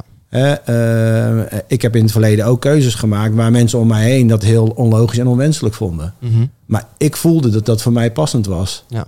En, en, um, en, en dat heeft niks met een secte te maken, maar dat heeft met een route te maken. Dat ik denk, ja, maar ik moet het zo doen. Mm -hmm. Kijk, als ik bijvoorbeeld nu, wat ik net al noemde, verschillende opleidingen doe. Sommige mensen vinden het heel lastig om opleidingen bij verschillende leraren te ondergaan. Want het zou kunnen zijn dat jij als leraar zegt roze en jij geel. Ik dacht altijd dat het geel was en nu zegt hij roze. Paniek, ik weet niet meer wat ik moet. Nee, ik pak roze en geel mee naar huis. Ik ga met allebei zitten. En denk, oh ja, mm, weet je, ik raak daar niet in van paniek. Ja. En ik kan dan voor mijzelf een route vinden wat ik daar dan mee doe. Maar ik gooi niet roze gelijk weg of geel. Ja. En dat is natuurlijk wat we allemaal spannend vinden. Van ja, we willen allemaal precies weten waar we aan toe zijn. Ja. Nou, dus terug naar jouw opmerking, duidelijkheid. Dus uh, naar mijn kinderen toe, hè, duidelijk zijn. Mm -hmm. Duidelijk, dat vindt iedereen fijn. Niet, niet altijd, begrijp je. Maar altijd achteraf. Want Ja. ze weten precies wat, je wat ze aan je hebben. Ja. Dus uh, ja, ik vertaal het als een kwaliteit. Hè. Duidelijk, duidelijk zijn. Ja. Nou, dat kan ik. Ja, ik kan me voorstellen dat dat inderdaad iets is wat dan misschien niet gelijk gewaardeerd wordt, maar dat als je even tot rust komt en de heat of the moment hebt gehad en dat je dan denkt van, ja, godverdomme, hij had eigenlijk wel gewoon gelijk met wat hij zei. Ja, misschien dat je ego gewoon denkt van, uh, fuck. Ja. Waar, Ja. Waarom, waarom voel ik dit zo? Waarom heeft hij nou weer gelijk? Ja. En als je dat opzij kan zetten.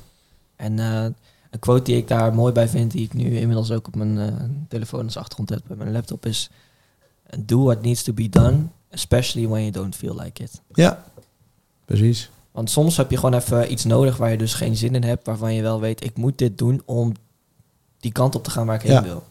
Ja. En juist als je het niet wil, especially when you don't feel like it, zorg ervoor dat je daar je consistentie in kan opbouwen en dat het, je emotie daarbij niet je, je af gaat wijken, Ja. laten wijken van je doel. Ja. Ja, dat herken ik ook. Dat heeft sporten mij ook gebracht, bijvoorbeeld. Hè? Dus eh, ja, weet je, oh, ik moet nog één ronde, alles doen. Ah, ik heb geen zin meer, ik kap ermee. Mhm. Hè? Ik ben Dat is moe. makkelijk. Ja, ik ben makkelijk, ik ben moe. Ik, had- ik heb last van mijn rug, weet ik veel. Er is altijd een of ander slap verhaal. Eh, ja, maak het gewoon af, man. En, dan- en dan kan je beginnen over allerlei ingewikkelde dingen. Sommige dingen moeten gewoon gedaan worden. En, en bijvoorbeeld, ik heb door sporten geleerd... ja, het zijn al, altijd maar aantallen. Ik kom vanzelf bij de 10 of Ja. bij de 100. Hè, de- het- is niet dat er onderaf weer bij komt. Die rondjes heb je ook. Maar het is in principe altijd aftellen. En dan gewoon een kwestie van door blijven gaan. Ja.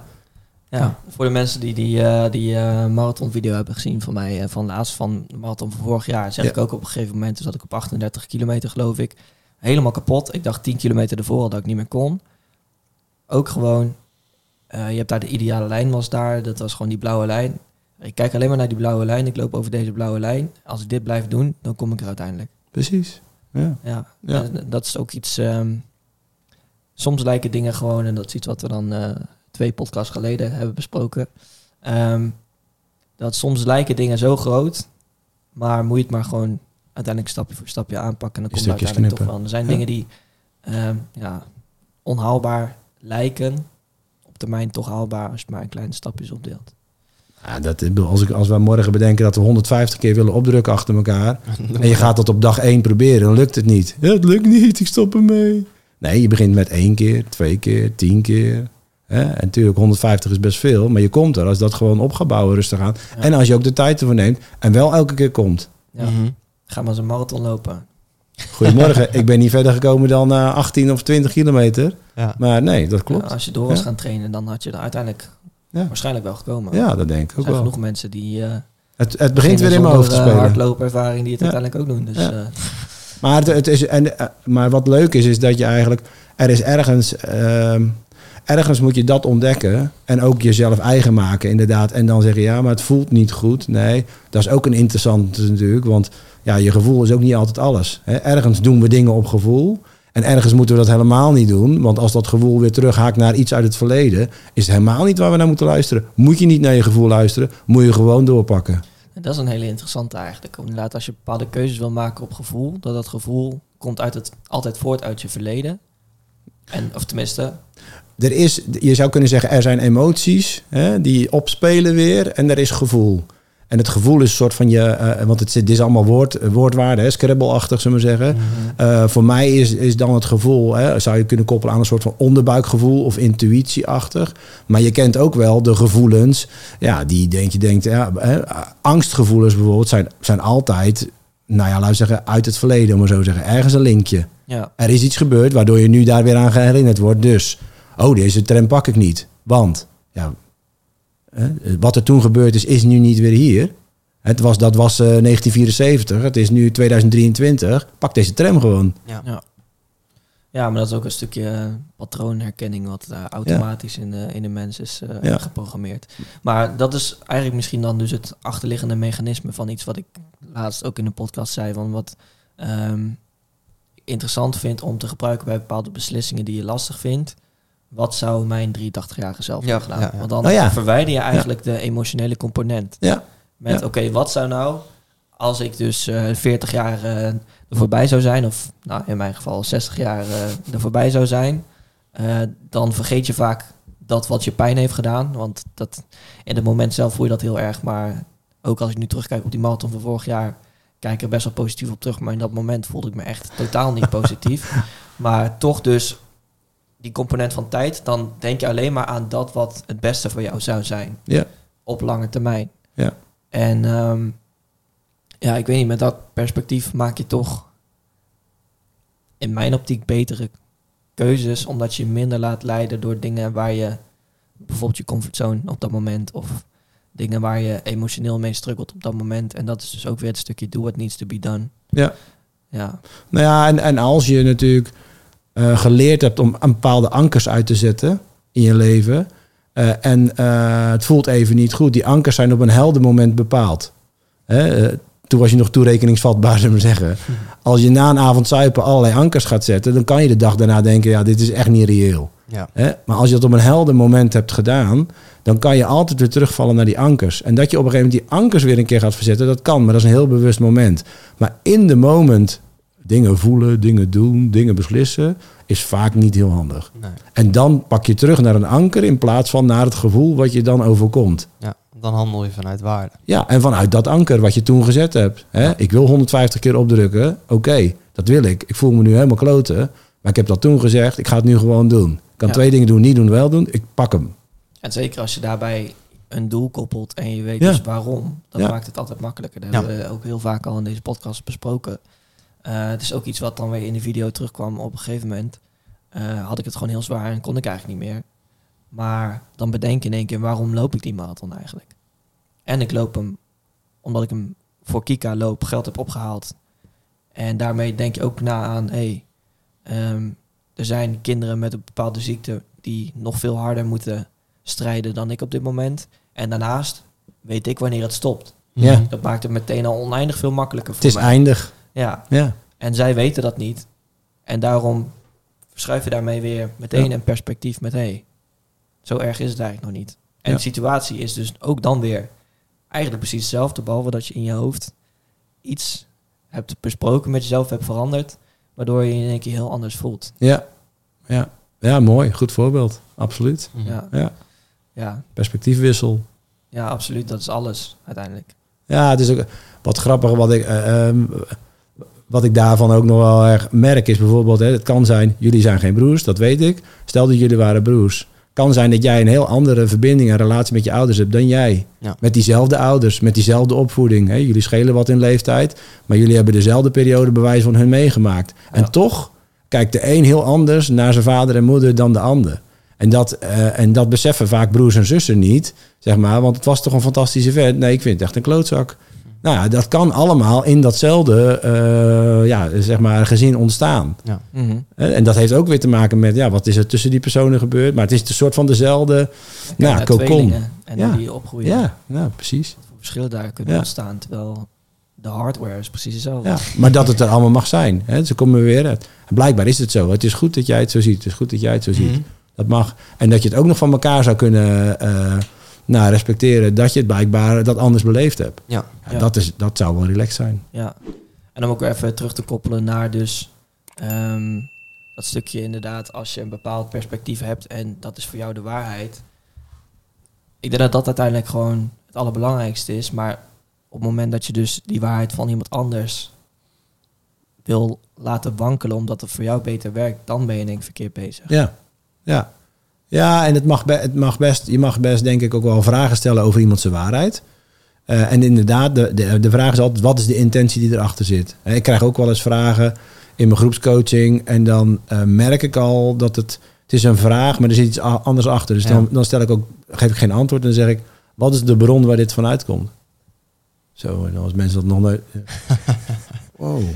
Weet je, en dan gaan ze bij zichzelf voelen en denken, oh ja, ja. En dan hoef ik soms ook geen antwoord meer te geven. En ik geef vaak wel antwoord. Ja. Maar wat is de bron waar deze vraag vandaan komt? Ja. En dat is natuurlijk, en dat is belangrijk. En als mijn bron liefde is en ik zie jou uh, ergens mee bezig en ik denk dat anders te zien, zou ik je een vraag kunnen stellen. Ja. Uh, en dan misschien ook wel de vraag kunnen stellen: zou je het leuk vinden als ik jou er iets over vertel hoe ik er naar kijk? En dan ontstaat er ruimte mogelijk. Als je zegt nee, dan houdt het ook gewoon op. Dat begrijp ik. Ja, je kan altijd vragen of dat je wil dat iemand naar je luistert of dat iemand zijn mening geeft over wat je zegt. Ja. vind je het fijn om te horen hoe ik er naar kijk? Mhm. Nou, dat, dat kan dan, uh, of niet. Nou. Ja. Ik wil graag nog even door naar een, eh, een ander stukje. Ja. Ik ben benieuwd. Spannend.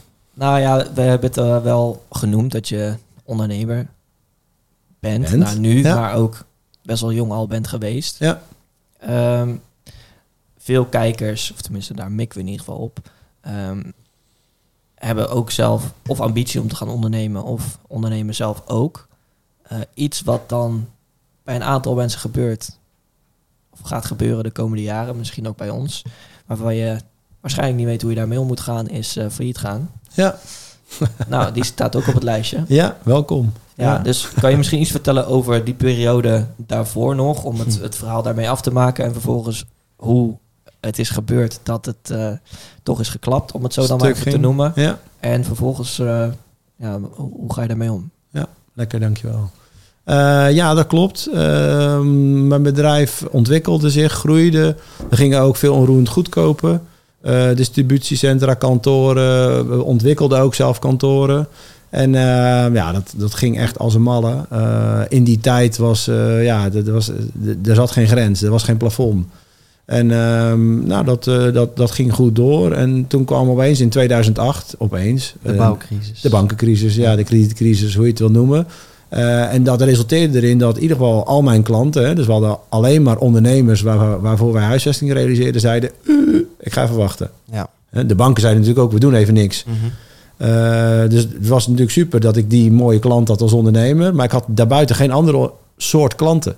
Geen woningcorporaties, geen nou, particulieren, bijna niet. Dus mijn hele bedrijf kwam tot stilstand. Daarbij waren er natuurlijk ook uh, in, in de panden die we hadden, huurders die zeiden: ja, we kappen er ook mee, want uh, we, we, trekken het niet meer. Dus het ging aan alle kanten stuk. om allerlei redenen. Hè. Dus, en ik zeg nu niet de enige reden is de bankencrisis, want ik had ook ondernemerskeuzes gemaakt, waardoor ik dus blijkbaar niet flexibel genoeg was om te mhm. schalen naar iets anders. Ja. Ook dat heeft weer voor een nadelen, want ik was heel goed gespecialiseerd in wat ik deed. Daardoor kwamen er ook klanten. En als ik breder was geweest, was ook weer de vraag geweest hoe had dat gegaan.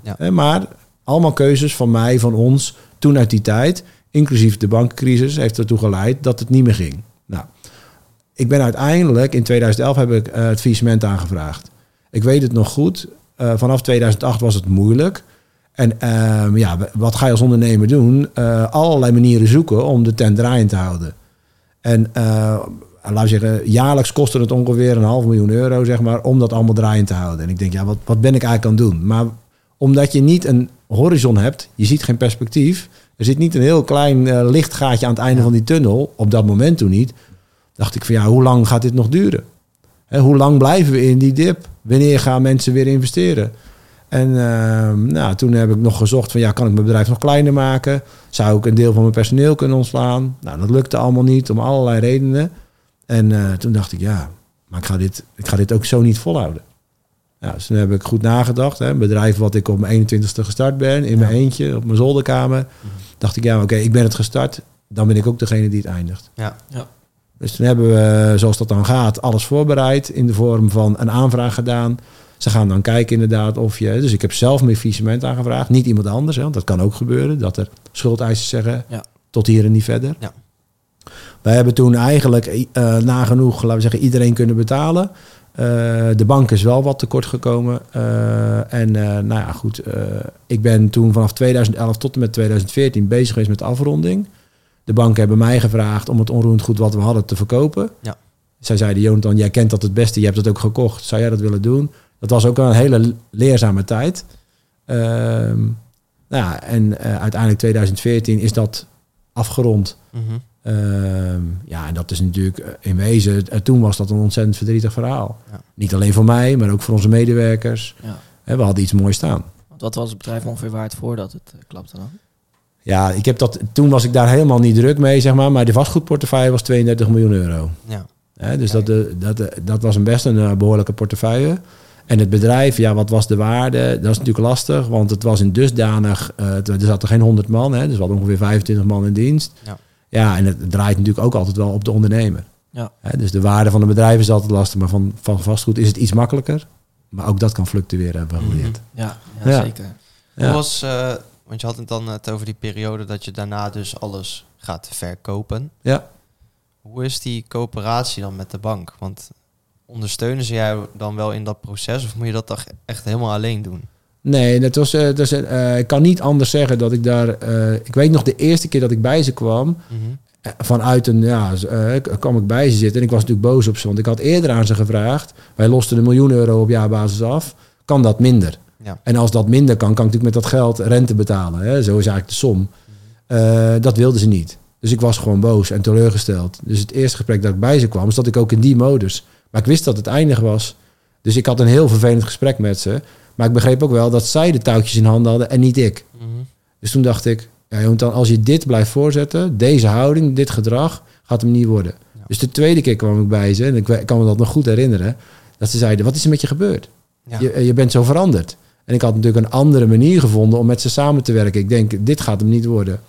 Dus toen zeiden ze ook van, nou, we zouden het fijn vinden als jij, hè, we hebben een heel ander beeld nu bij je en bla bla bla. Zou jij dat willen doen? En in die drie jaar hebben we daarin samengewerkt, absoluut. Ja, zij zeggen dan, hè, zij zijn hypotheekhouder. Dus ja, zij hebben een, een grote uh, belang daarbij om te zorgen dat dat goed gaat. En zij hebben daarin altijd heel fijn met mij samengewerkt. Ja. Kijk, ik had, ook, ik had ook een hele grote privé-borgstelling. Dus hè, als je veel geld leent, dan zeggen ze op een gegeven moment leuk dat je een bedrijf hebt. Maar we willen ook dat je iets laat zien dat je er serieus mee bent. Dus teken ook maar in privé. Ja, dus dat, dat, was, uh, dat was voor mij was er ook een belang bij natuurlijk. Dat zij uiteindelijk tegen mij zouden zeggen... Jonathan, dit heb jij goed gedaan. Mm Je hebt het beste ervan gemaakt wat kon, zeg maar, binnen de huidige context. En we laten jou privé met rust. Ja. ja. Dat was een bijzondere tijd. Daar heb ik geleerd mee om met, met, met bankmensen, met banken om te gaan. Te begrijpen hoe zij denken. Te, te, te, te kijken wat jij net ook vertelde. Hè? Je verplaatst je in het perspectief van de ander. Mhm. Hoe kijkt hij naar mij? Wat is zijn belang? Nou, dat heeft, dat heeft me heel erg geholpen. Ja. ja. Is dat dan iets waar je dan nog drie jaar fulltime mee bezig moet zijn? Of is dat uh, nee, deels? Dat was deels. Ik was uh, al vrij snel interim directeur geworden bij een ander bedrijf. Dus uh, een vriend van mij hoorde dat ik failliet gegaan was. En die zei van, joh, ik zoek nog een operationeel directeur. Zou jij dat willen worden? Mm -hmm. Dus ik was, laten we zeggen, januari 2012 daar alweer aan de bak. Dan parttime, hè, laten we zeggen geen vijf dagen. Uh, omdat ik nog iets anders daarbij deed. Het afronden van het oude verhaal. En daar had hij ook gewoon begrip voor. Ja. Uh, dus ja, ik was heel snel. Ja, ik, ik dus, dit bedoel ik niet arrogant, maar ik vind mezelf ook veerkrachtig. Wat, dat, wat dat betreft. En ja, ik was heel snel weer aan de bak best een unieke manier van recruiten. hey, die is net failliet gegaan, die moet ik hebben. Ja, ja, ja, ja, ja. Hij was ook klant bij ons. Uh, dus hij, er was blijkbaar een bepaalde klik dat hij dacht van... hé, hey, ja, de, ondanks dat hij failliet is, eh, heeft hij mogelijk toch een talent. want in Nederland is failliet gaan een beetje... Moi, moi, moi. En in Amerika zeggen ze, ja, hey, five, op naar de volgende. Ja, oh ja? Uh, ja, want dat is een ervaring natuurlijk. Kijk, als je 31 bent en je hebt uh, een faillissement meegemaakt... zoals ik dat heb meegemaakt... En je gaat daarna weer verder ondernemen. Hè? En, en bij mij is het daarna klein gebleven. Maar daar, daar kan je natuurlijk ook weer heel groot op door. Want die lessen zijn natuurlijk heel waardevol. Ja, zeker. Hè? Die, die je daaruit kan halen en de ervaring. Ja. En, ja, in principe heb je het allemaal een keer opgebouwd. Alleen moet je nu ervoor zorgen dat je die kwijtraakt. Ja, maar ja, goed, weet je, dat is ook. Er, er, kunnen altijd omstandigheden zijn, dat, dat zeiden we net ook, die je niet in de hand hebt. En een deel van dit verhaal had ik niet in de hand en een deel natuurlijk wel. Ja, ja. het is ook weer een les dan voor jou, wat je nu ook hebt geleerd, dat je ook zegt, ik heb wat meer klein gehouden. Waarschijnlijk heb je ook wel nagedacht van hoe kan ik ervoor zorgen dat ik niet van één bepaalde gebeurtenis afhankelijk kan zijn. Ja, nou ja, en ik ben nu alleen nog maar verantwoordelijk voor mezelf. Op dit moment heb ik natuurlijk ook wel weer een team. Maar ik ben lang alleen verantwoordelijk geweest voor mijzelf en laten we zeggen mijn gezin. Ja. En niet voor andere gezinnen. Want dat was ik natuurlijk toen. Ja. En niet voor een bank en niet voor, nou ja, et cetera, et cetera. Het is, uh, dus het heeft mij ook wel... Ergens is het ook een cadeau geweest dat ik het uiteindelijk heb kunnen afronden. Uh, en vanuit daar alleen verder ben gegaan. Want dat heeft mij ook wel heel veel gebracht. Mm Het zijn van interim directeur is natuurlijk ja, is, is een leuk om te doen, zeg maar. En ook gewoon wordt goed gewaardeerd. En dan bedoel ik gewoon geld. Ja. Ja. Um, zo. Ik had een vraag en hij popt weg op het moment dat ik hem wil stellen. Oh jee. en nu? Nu? nu? Um, ja.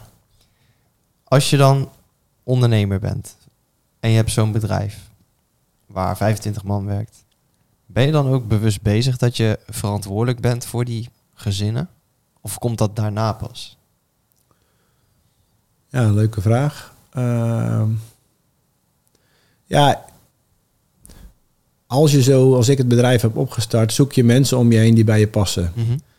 Ik zal niet zeggen dat het allemaal vrienden worden, maar je hebt natuurlijk best wel een verbinding met ze. Zeker als het van klein naar steeds iets groter groeit. Um, wat ik wel heb ontdekt is dat je denkt dat er een bepaalde loyaliteit is. En die is er ook. Hè? Maar dat het natuurlijk logisch is dat als het salaris wegvalt, valt er ook een deel van die loyaliteit weg. Mm -hmm, dat is ja. natuurlijk niet altijd bij iedereen zo zwart-wit. Maar ik heb wel ontdekt dat, dat je in de basis niet moet vergeten dat het uiteindelijk ook gewoon werknemers zijn. En, en dan heb je die, dat stukje zorg. Ja, dat was natuurlijk ontzettend moeilijk om dat te zeggen. Ja, ik, ik zorg niet meer voor je, maar we zorgden ook niet echt voor ze in de vorm van zij leverden ons wat en daar werden ze voor beloond. Mm -hmm. Een soort conditionele loyaliteit. Ja, ja, dat je ergens dat toch wel ontdekt hebt. Van ja, dat je dat wel lastig vindt. Maar het, het, ik merkte ook wel heel snel, zeg maar, de, hoe, hoe makkelijk, en dit is helemaal geen verwijt, zij ook daarvan afscheid namen en weer doorgingen.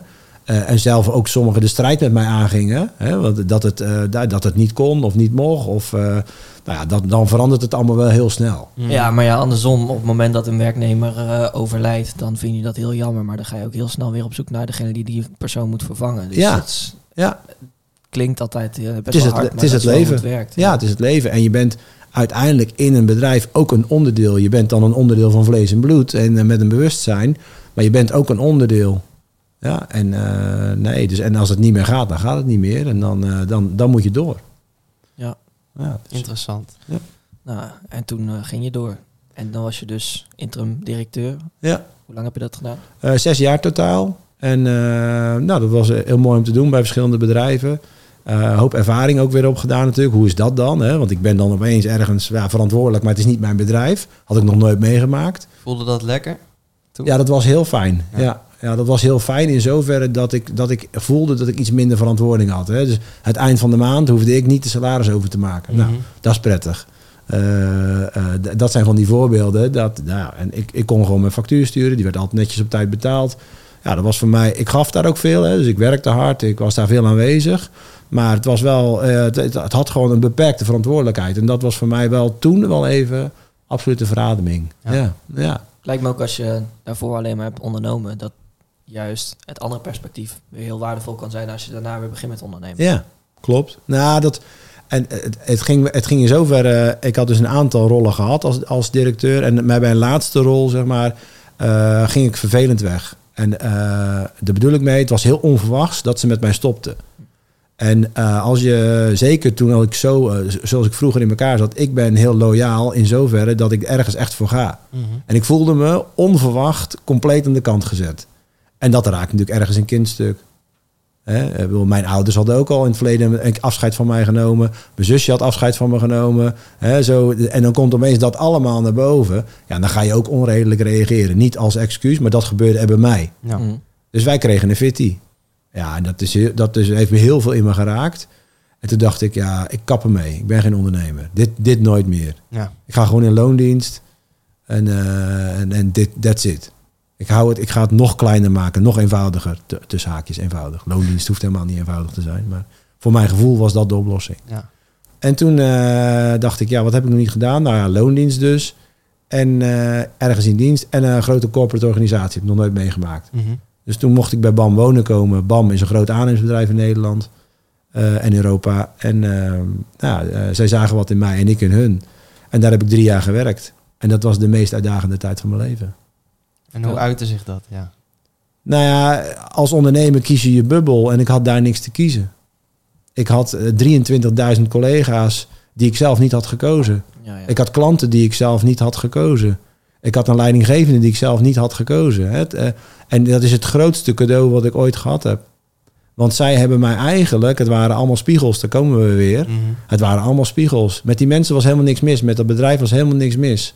En, en met mij was er is over ook niks mis in de vorm van dat ik reageerde op wat ik zag, wat ik voelde, wat ik ervaarde.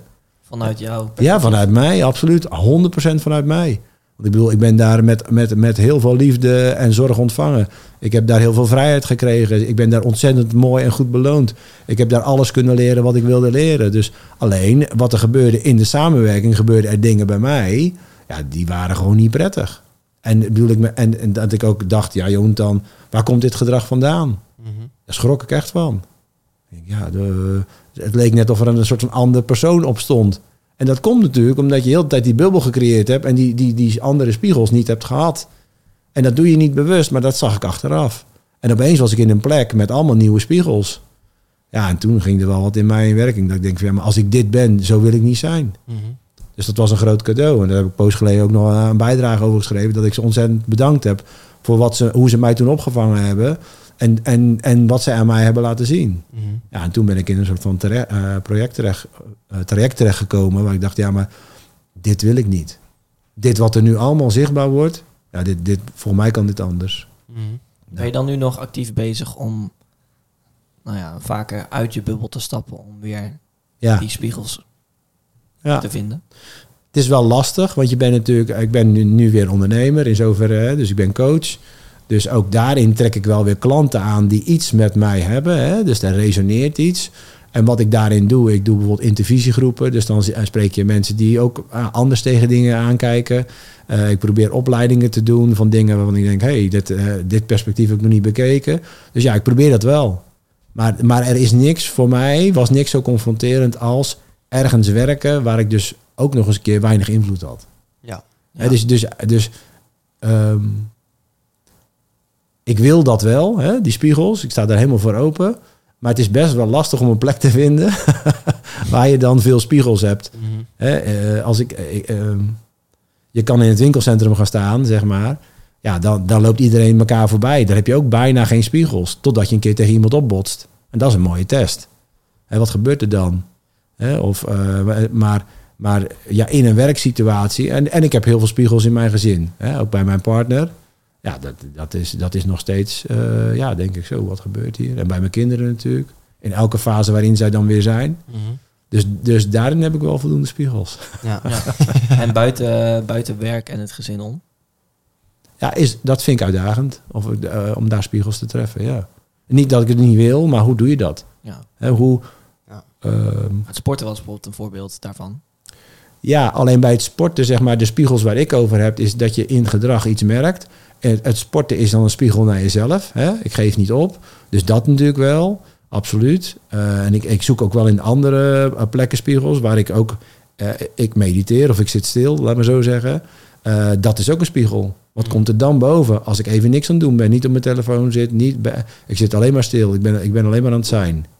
Wat komt er dan in mij boven? Nou, dat is natuurlijk ook een spiegel. Ja. Wel eens een ijsbad genomen? Nee, hij staat wel op mijn lijstje. Ja. Maar ik, ik, uh, ik haat kou. nou ja, dan is het juist denk ik een hele mooie grote spiegel. Ja, ja. nee, ik ben er... Uh, het was bijna 18 februari zover en toen werd ik ziek. Ik weet dan ook niet wat er gebeurt. Hè. Mm -hmm. Word ik ziek omdat ik denk, dan hoef ik er niet heen. Hè. En ik was echt ziek, even voor de duidelijkheid. Of zeg maar lichaam, jij Joont dan, uh, jij wil dat wel, maar je bent er niet aan toe. Hè. Dus ik geloof ook heel erg in dat dingen gaan zoals ze moeten. Mm -hmm. Uh, maar dit is nog wel eentje, ja, die, uh, die stel ik graag uit. Maar dat is juist een signaal. Ja, ja. Dus, uh, ja zeker voor jou was dat ook een, een hele mooie spiegel toen, toch? Absoluut, ja. ja. Ja, dat was een mooie referentie. Ik had ook, ik had totaal geen idee van wat ik moest verwachten. Ik keek er niet tegenop. Ik, ik was best wel neutraal daarin. Ja. Alleen op het moment dat dat gebeurde en het overkwam me, toen ja, dan kwam er gewoon echt een sensatie naar boven die ik nog nooit eerder had gevoeld. Dus namelijk dat ik altijd uh, dingen niet loslaat dat ik altijd controle wil hebben over mezelf, eigen lichaam. En op dat moment kan je dat niet. Dan ben je gaan helemaal aan het bibberen en het is koud en je lichaam wil gewoon overleven. Ja. Ik wist gewoon niet wat ik, mee, wat ik daarmee moest. Maar juist omdat je er zoveel controle over wilde hebben, lukt het niet. Ja, ik was heel hard aan het vechten. Bas en ik die zaten er eerder in. En wij hadden het relatief snel onder controle. Maar ook jij toen je eruit was, heb je nog vijf minuten liggen trillen. Ja, of En dat is niet omdat jij in een ander ijsbad bent nee, nee, nee, nee, nee. Maar, maar, dat is echt hoe je er zelf uh, mee omgaat. Ja, dat je, dat je het bewijs wel niet helemaal nog toe kon laten, als het ware. Nee, en ik denk oprecht, als ik er nu in zou stappen, dat dat ook nog steeds wel het geval is. Dat ik nog steeds wel in die, zou kunnen. Ja. in die mode schiet. Maar het mooie is wat uh, Ruud dan, we waren dan bij Ruud uh, die uh, ijsbadsessie doen, ja. hebben ook podcast opgenomen. Um, maar die zag ook meteen aan jou van, jij bent een vluchter. Ja. Oh, zo. Jij, ja. Hij, zat, hij zat erin. Ik ging naar boven. Je ging gewoon wegkijken. Een soort van. Ja. Ik ben hier niet. Proberen weg te zonen, inderdaad, uit de realiteit. Ja. En um, dat zag hij alleen al op basis van mimiek. Ja. ja. ja. Maar hoe je, uh, hij, je deed. Ja. Hij kent hem verder helemaal niet. Nee. Nee, maar ja, het is wel heel waardevol voor jezelf om jezelf beter te leren kennen. Ja. Naast de gezondheidsvoordelen. Ja. Ja. Dat nee, absoluut. Dat nee, maar hij staat absoluut nog op mijn wensenlijstje. Maar ik merk, kijk, mijn ontwikkeling op, dit, op al die gebieden is, mm uh, laten we zeggen, de laatste vijf jaar pas op gang gekomen. Ja. En dan ben je heel erg op zoek naar wat in welke volgorde. Ja. Uh, wat, wat, wat, wat je ondergaat, heb ik dat ook geïntegreeerd. Mm. He, dus je kan, iets, je kan iets ondergaan, ondergaan, ondergaan. Maar krijgt het ook een plekje? Ja, klopt. He, dat is ook even dan de vraag. Ja. En uh, ik heb um, een poos geleden verbonden ademwerk gedaan, een sessie ondergaan. Mm -hmm. Ik moest er even aan denken toen jij zei van ik had hè, die weerstand als het ware. Ja. Ik had ook in die eerste sessie dat ik me niet over kon geven. Dus verbonden ademwerk is je gaat liggen, iemand begeleidt je en je gaat ademen zonder pauze. Hè. Dus normaal ademen in, er zit een soort van rustmomentje en je ademt uit. Mm -hmm. Dat rustmoment haal je weg en je blijft maar achter elkaar door ademen. Nou, dat, daar word je heel goed in begeleid. Maar ik kwam op een plek terecht dat ik dacht, ja, maar hier wil ik niet zijn. Controle ja. over mijn lichaam. Ja, ja, dus ik ging een soort van liggen bewegen. Ja, en dan gaat het effect wordt minder. Dus de tweede keer was ik me daar bewust van. Hij legde me dat ook natuurlijk uit de eerste keer. En toen kon ik daar gewoon mee zijn, zeg maar. Ja, en, en toen gebeurde er heel wat anders. Mm -hmm. He, maar dat controle over je lichaam, controle ook eigenlijk je, je, je overgeven aan iemand anders. Want dat is het ook uh, wat, wat er gebeurt. Klopt. Ja, vind ik ook wel spannend. Ja. Maar ik, ga dat, ik zoek dat wel op. Mhm. Maar nog niet in het ijsbad. Nee. Maar die staat, dat gaat zeker komen. Ja. Ja. Ja. ja, ook dat laatste wat je benoemt, jezelf overgeven aan iemand anders. Dat is ook Ja. iets heel herkenbaars Ja. voor mij. Ja. Ik wil altijd zelf heft in handen. Ja, nou dat herken ik ook wel. Ik ben ja. nu weer aan het oefenen. Ik noemde net dat ik nu weer een team heb. Mhm. Ik ben nu weer aan het oefenen om dingen niet alleen te doen. Ja. Niet altijd alleen te willen doen. Ja, ik ben er ook niet zo goed in. Niet alleen doen of eh, alleen doen juist. Nou, om dingen uit handen te geven. Ja, ja. Ja. ja. Zeker als ik gewoon dingen weet dat ik ze kan. ja. En precies voor ogen heb op welke manier ik dat zou doen. En vervolgens leggen dat bij iemand anders neer. En die doet het dus niet op de manier hoe ik het voor ogen heb. Dat vind ik lastig. Als herkenbaar. ik zeg maar met deze hele podcast. Ja. eh, ik heb daarvoor al vaker geëdit en video's gemaakt en dat soort dingen. Stef had daar nog geen ervaring mee. Mhm. En als je dan zegt, oké, laten we het wat meer samen doen. In plaats van dat al die taken op mij komen te liggen. Dat is gewoon op de lange termijn sowieso de betere samenwerking. Ja. Ja, maar dan moet ik het je wel leren. En als ik dan iets uitleg en ik zie dat het op een andere manier gebeurt, dat vind ik lastig. ja. Terwijl Maar dan gaat hij kan het heel goed. Ja. Want eh, nou, heel veel van de, van de laatste eh, clips en reels en al die dingen, die heeft Stef gewoon gemaakt. Cool. En het is, het is gewoon allemaal goed. Ja. Maar toch vind ik dat soort dingen Ja. wel lastig. Ja. Ja. ja. Ja, Een dat, stukje perfectionisme ook af en toe. Maar Ja, en, ik, en voor mij ben ik er ook wel achter gekomen dat, dat ehm, als je een paar keer in de steek gelaten wordt, dus, dus niet bij jou, maar hè, even over mij, als je een paar keer in de steek gelaten wordt, dan wordt dat ook je overlevingsmechanisme. Ik doe het wel alleen. want op anderen kan ik niet per se bouwen. Nee, want als die wegloopt, wat dan?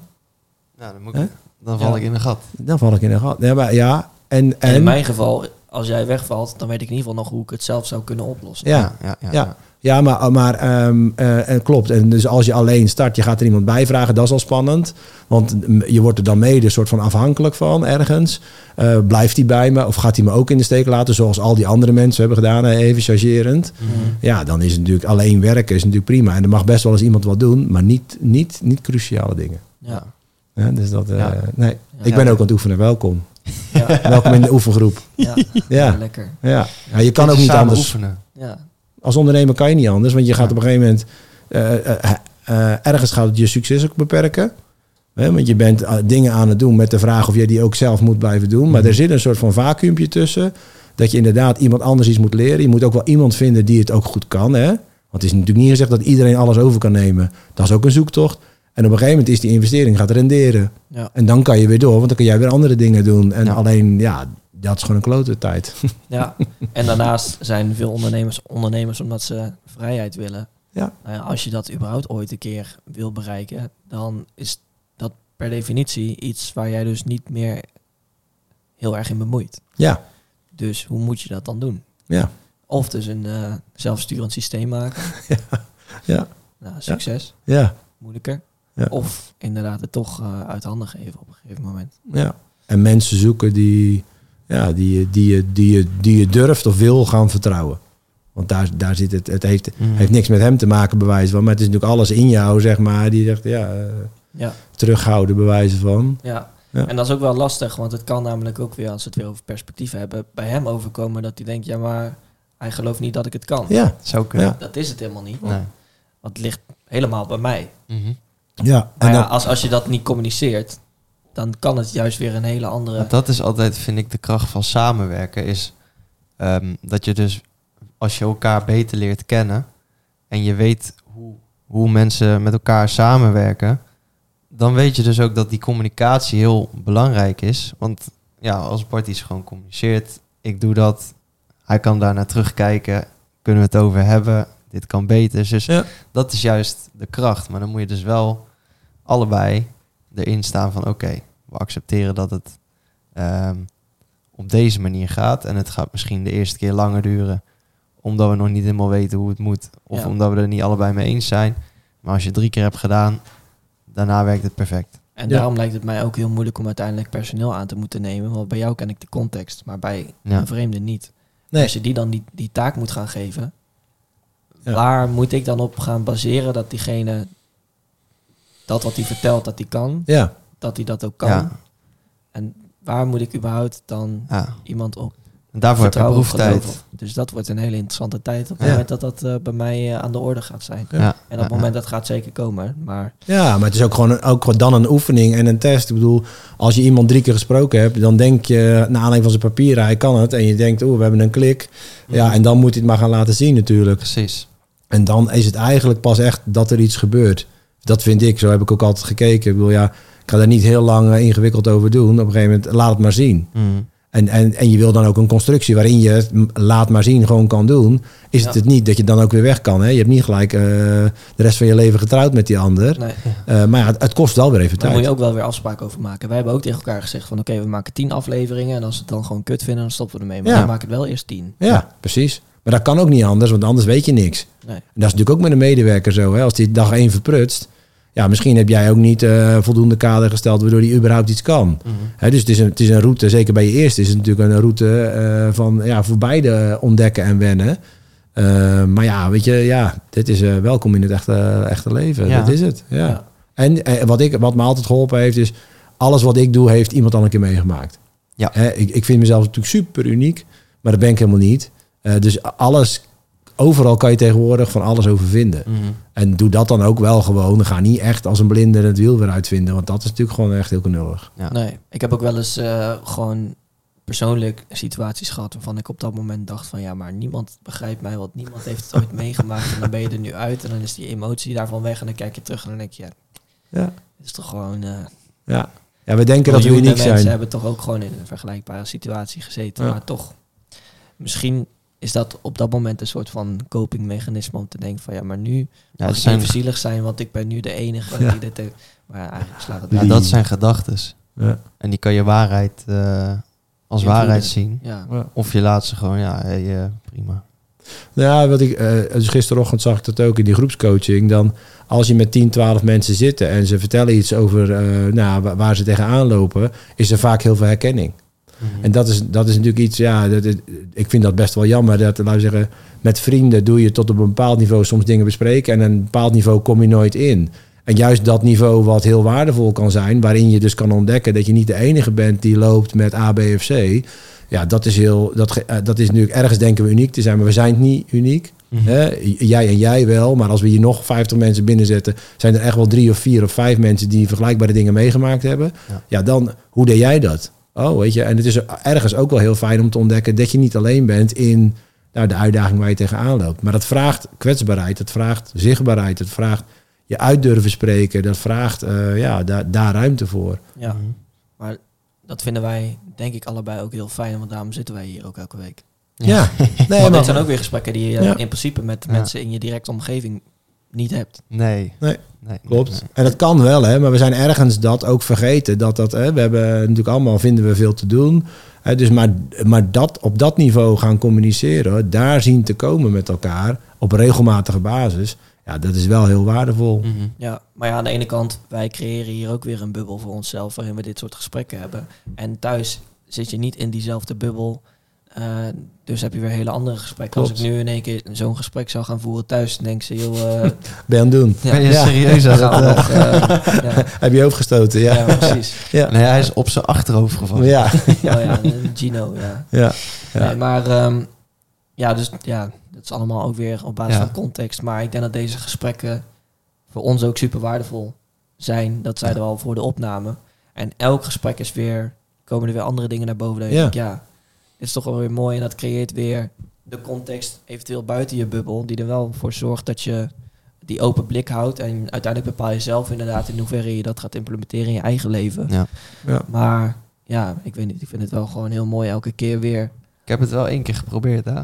Wat? Buiten de podcast doen alsof je in een podcast zit. Oh, ja? ja? Ja, dat was heel interessant. Ja, en dat was gewoon... Uh, in ja, was gewoon in, in een uh, vrije tijdsgelegenheid. Dus ik was gewoon in het weekend. Ik was met een paar vrienden. Ja. Ik zat zo aan de, ja, was het gewoon aan de, op het terras. Ja. En ik dacht, wat gaat er nou gebeuren als ik hier ga zitten met dezelfde houding als dat ik een podcast inga? Ja. Nou, dat was een topgesprek. Ja, ja leuk. Maar ja. het is ook wel weer zo dat je die aandacht, die kan je niet met ieder gesprek wat je, dat kan je niet volhouden. Nee, nee, dus- dat klopt ook. Dat herken ik ook wel. Maar laten we zeggen, stel dat het iets meer zou zijn soms, kan, mhm. kan heel waardevol zijn. En ik, ik, ik hoor ook wat jij zegt. Hè. Het is ook erg afhankelijk van. Kijk, als ik thuis kom, heb ik ook niet alleen maar dit soort gesprekken. Weet je, ik ben verantwoordelijk voor de was. Ja, daar kunnen we heel lang over gaan hebben. En uh, ingewikkeld, maar dat moet gewoon zo en zo. Het moet gewoon gebeuren. Ja, dus toen kan je zeggen, ja, hoe voel je je bij de was doen? En uh, weet je, ja, weet je, fuck it, het moet gewoon gebeuren. Kijk je daarop terug? Ja, had je dat beter kunnen doen? ja, ja, is dat wel jouw taak? Wat, vind je dat niet gek als man? Weet je wel? Nee, daar hebben we het. het is maar daarom ben ik ook wel benieuwd als iemand uh, ons tegenkomt die ons alleen kent van de podcast. Ja wat voor gesprek je dan hebt. Ja, geen idee. Want buiten deze ruimte hebben we misschien wel ongeveer dezelfde manier van communiceren en zijn we nog steeds onszelf. Ja. Maar je manier van spreken is toch anders. Ook omdat wij ons heel goed realiseren dat wij niet voor onszelf zitten in principe, maar dat we ook een gast hebben. Ja. En dat juist de waarde die in die gast zit, die wil je zoveel mogelijk naar boven brengen. Ja. En dan kunnen wij onze eigen blikken opgeven en bepaalde dingen die wij uh, horen van we denken, ja, dit kunnen we er mooi mee linken. Dat benoemen we dan wel en daar ontstaat dan een verder gesprek door. Alleen wat jij ook merkte toen je dat gesprek buiten de podcast om in podcastvorm uh, uh, voerde, is wij zijn gewend om nu veel vragen te stellen. Ja. En mensen vinden het fijn om over zichzelf te praten. Ja, klopt. Ja. Dus mensen voelen ook meteen van hé, hey, ik Deze kan persoon is... over mezelf zeggen. Deze persoon is leuk, want ik voel me goed. Maar dat komt eigenlijk vanuit het feit dat iemand je de ruimte geeft om over jezelf te praten. In wezen interesse in je toont. Aandacht. Ja. Aandacht en interesse, ja, absoluut. Ja. dus dat zijn interessante dingen. er liggen veel kansen achter een vraag.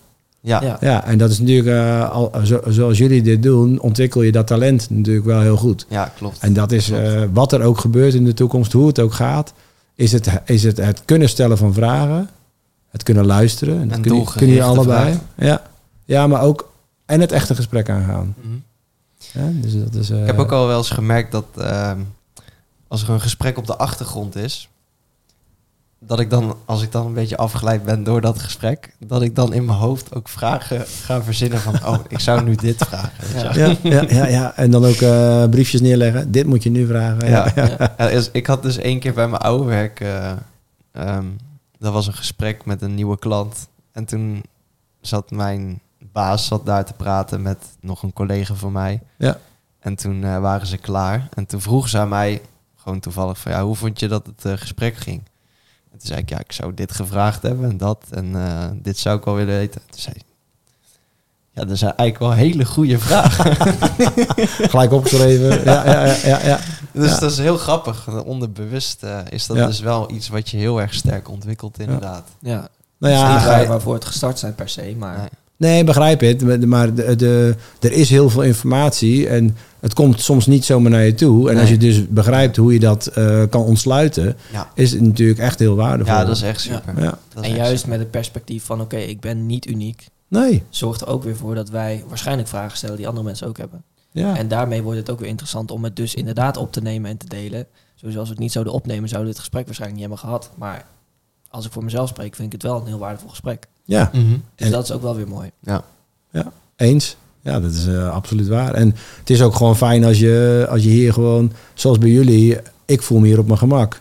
Ja. En dat is heel waardevol. Daarbij hebben jullie het gewoon top geregeld. Ja, weet je, dat zijn de ingrediënten waardoor het gewoon ook een leuk en goed gesprek kan zijn. Exact. exact. En, uh, en ik, voel, ik voel zeg maar uh, oprecht interesse. Ja. Hè, dus uh, dat, is, dat is, ja, dat... Uh, dat, dat is lekker. Ik, ik, ik, nou ja, dat is lekker, dat, dat zeg je goed. Ik voel me natuurlijk volledig gezien door, door, door laten zeggen, twee paar ogen. Ja. Uh, dus ja, dat is een prettige plek om in te zijn. Ja. Is weer een nieuwe... goed geregeld, behalve de agenda planning toe.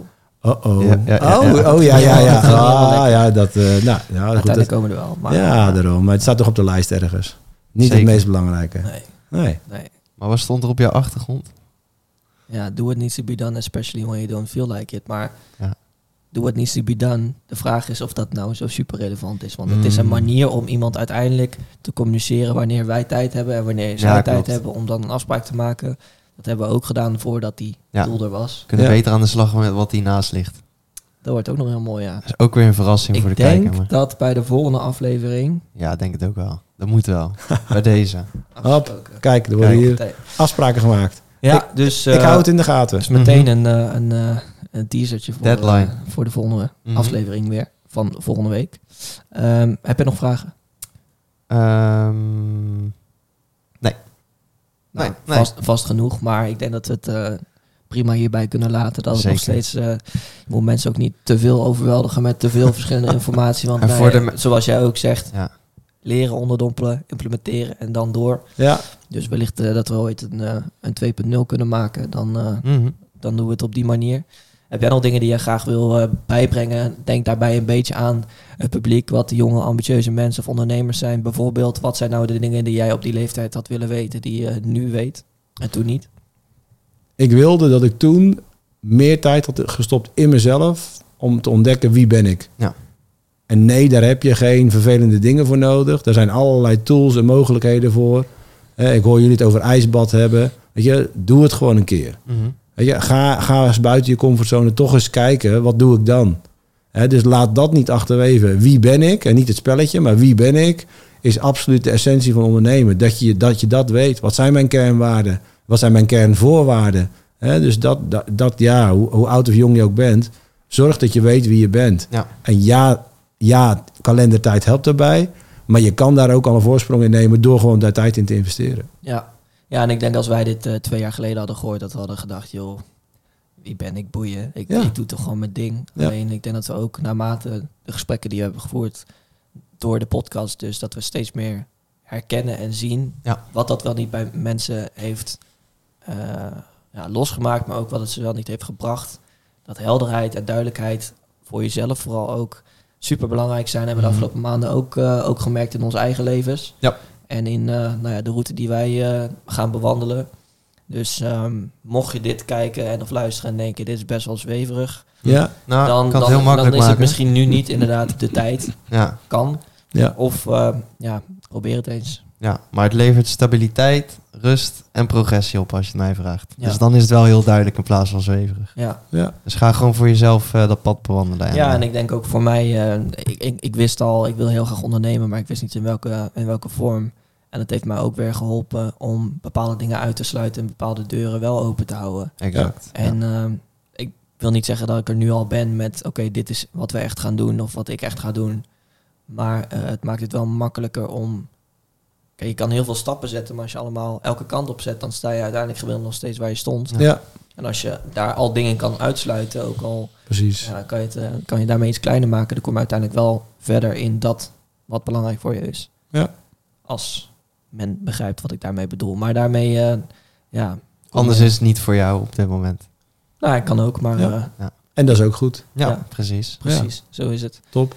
Dan uh, wil ik jou heel hartelijk bedanken voor de komst en voor het mooie verhaal. Absoluut. Graag en voor de mooie woorden richting ons. Dat waarderen wij ook uh, ja, ja. enorm. We hebben weer een nieuwe review voor de ooit uh, komende website. Als die komt, ja. ik weet niet of het nodig gaat zijn of dat uh, needs to be done, maar... Weet ik ook niet. Wellicht We gaan het zien. We gaan in ieder geval ontzettend bedankt. En ook de kijkers en de luisteraars ontzettend bedankt. Ja. Zeker als je het helemaal tot hier hebt uitgezeten, want we zijn bijna twee uur bezig. Respect. Maar ik denk dat er ongetwijfeld genoeg dingen in zitten die je zelf weer kan implementeren. Dat hoop ik in ieder geval. Laat het ons dan ook vooral weten, want dat vinden wij ook mooi om te horen. Mm -hmm. uh, we zeggen altijd wel, uh, we zitten hier ook zeker voor onszelf. Maar uh, we nemen het niet voor niks op. Dus de impact die we daarmee kunnen maken, ja, dat is voor ons lastig om te zien, omdat we dat nu natuurlijk niet real-time kunnen, kunnen Nee. zien. Maar mochten we daar nou, toch een rol in hebben gespeeld bij jou, laat ons vooral weten, vinden wij superleuk. Mhm. Dus Ja. Thanks en tot volgende week. Ja, en zet hem weer op thuis. Yes, later. Ciao, ciao.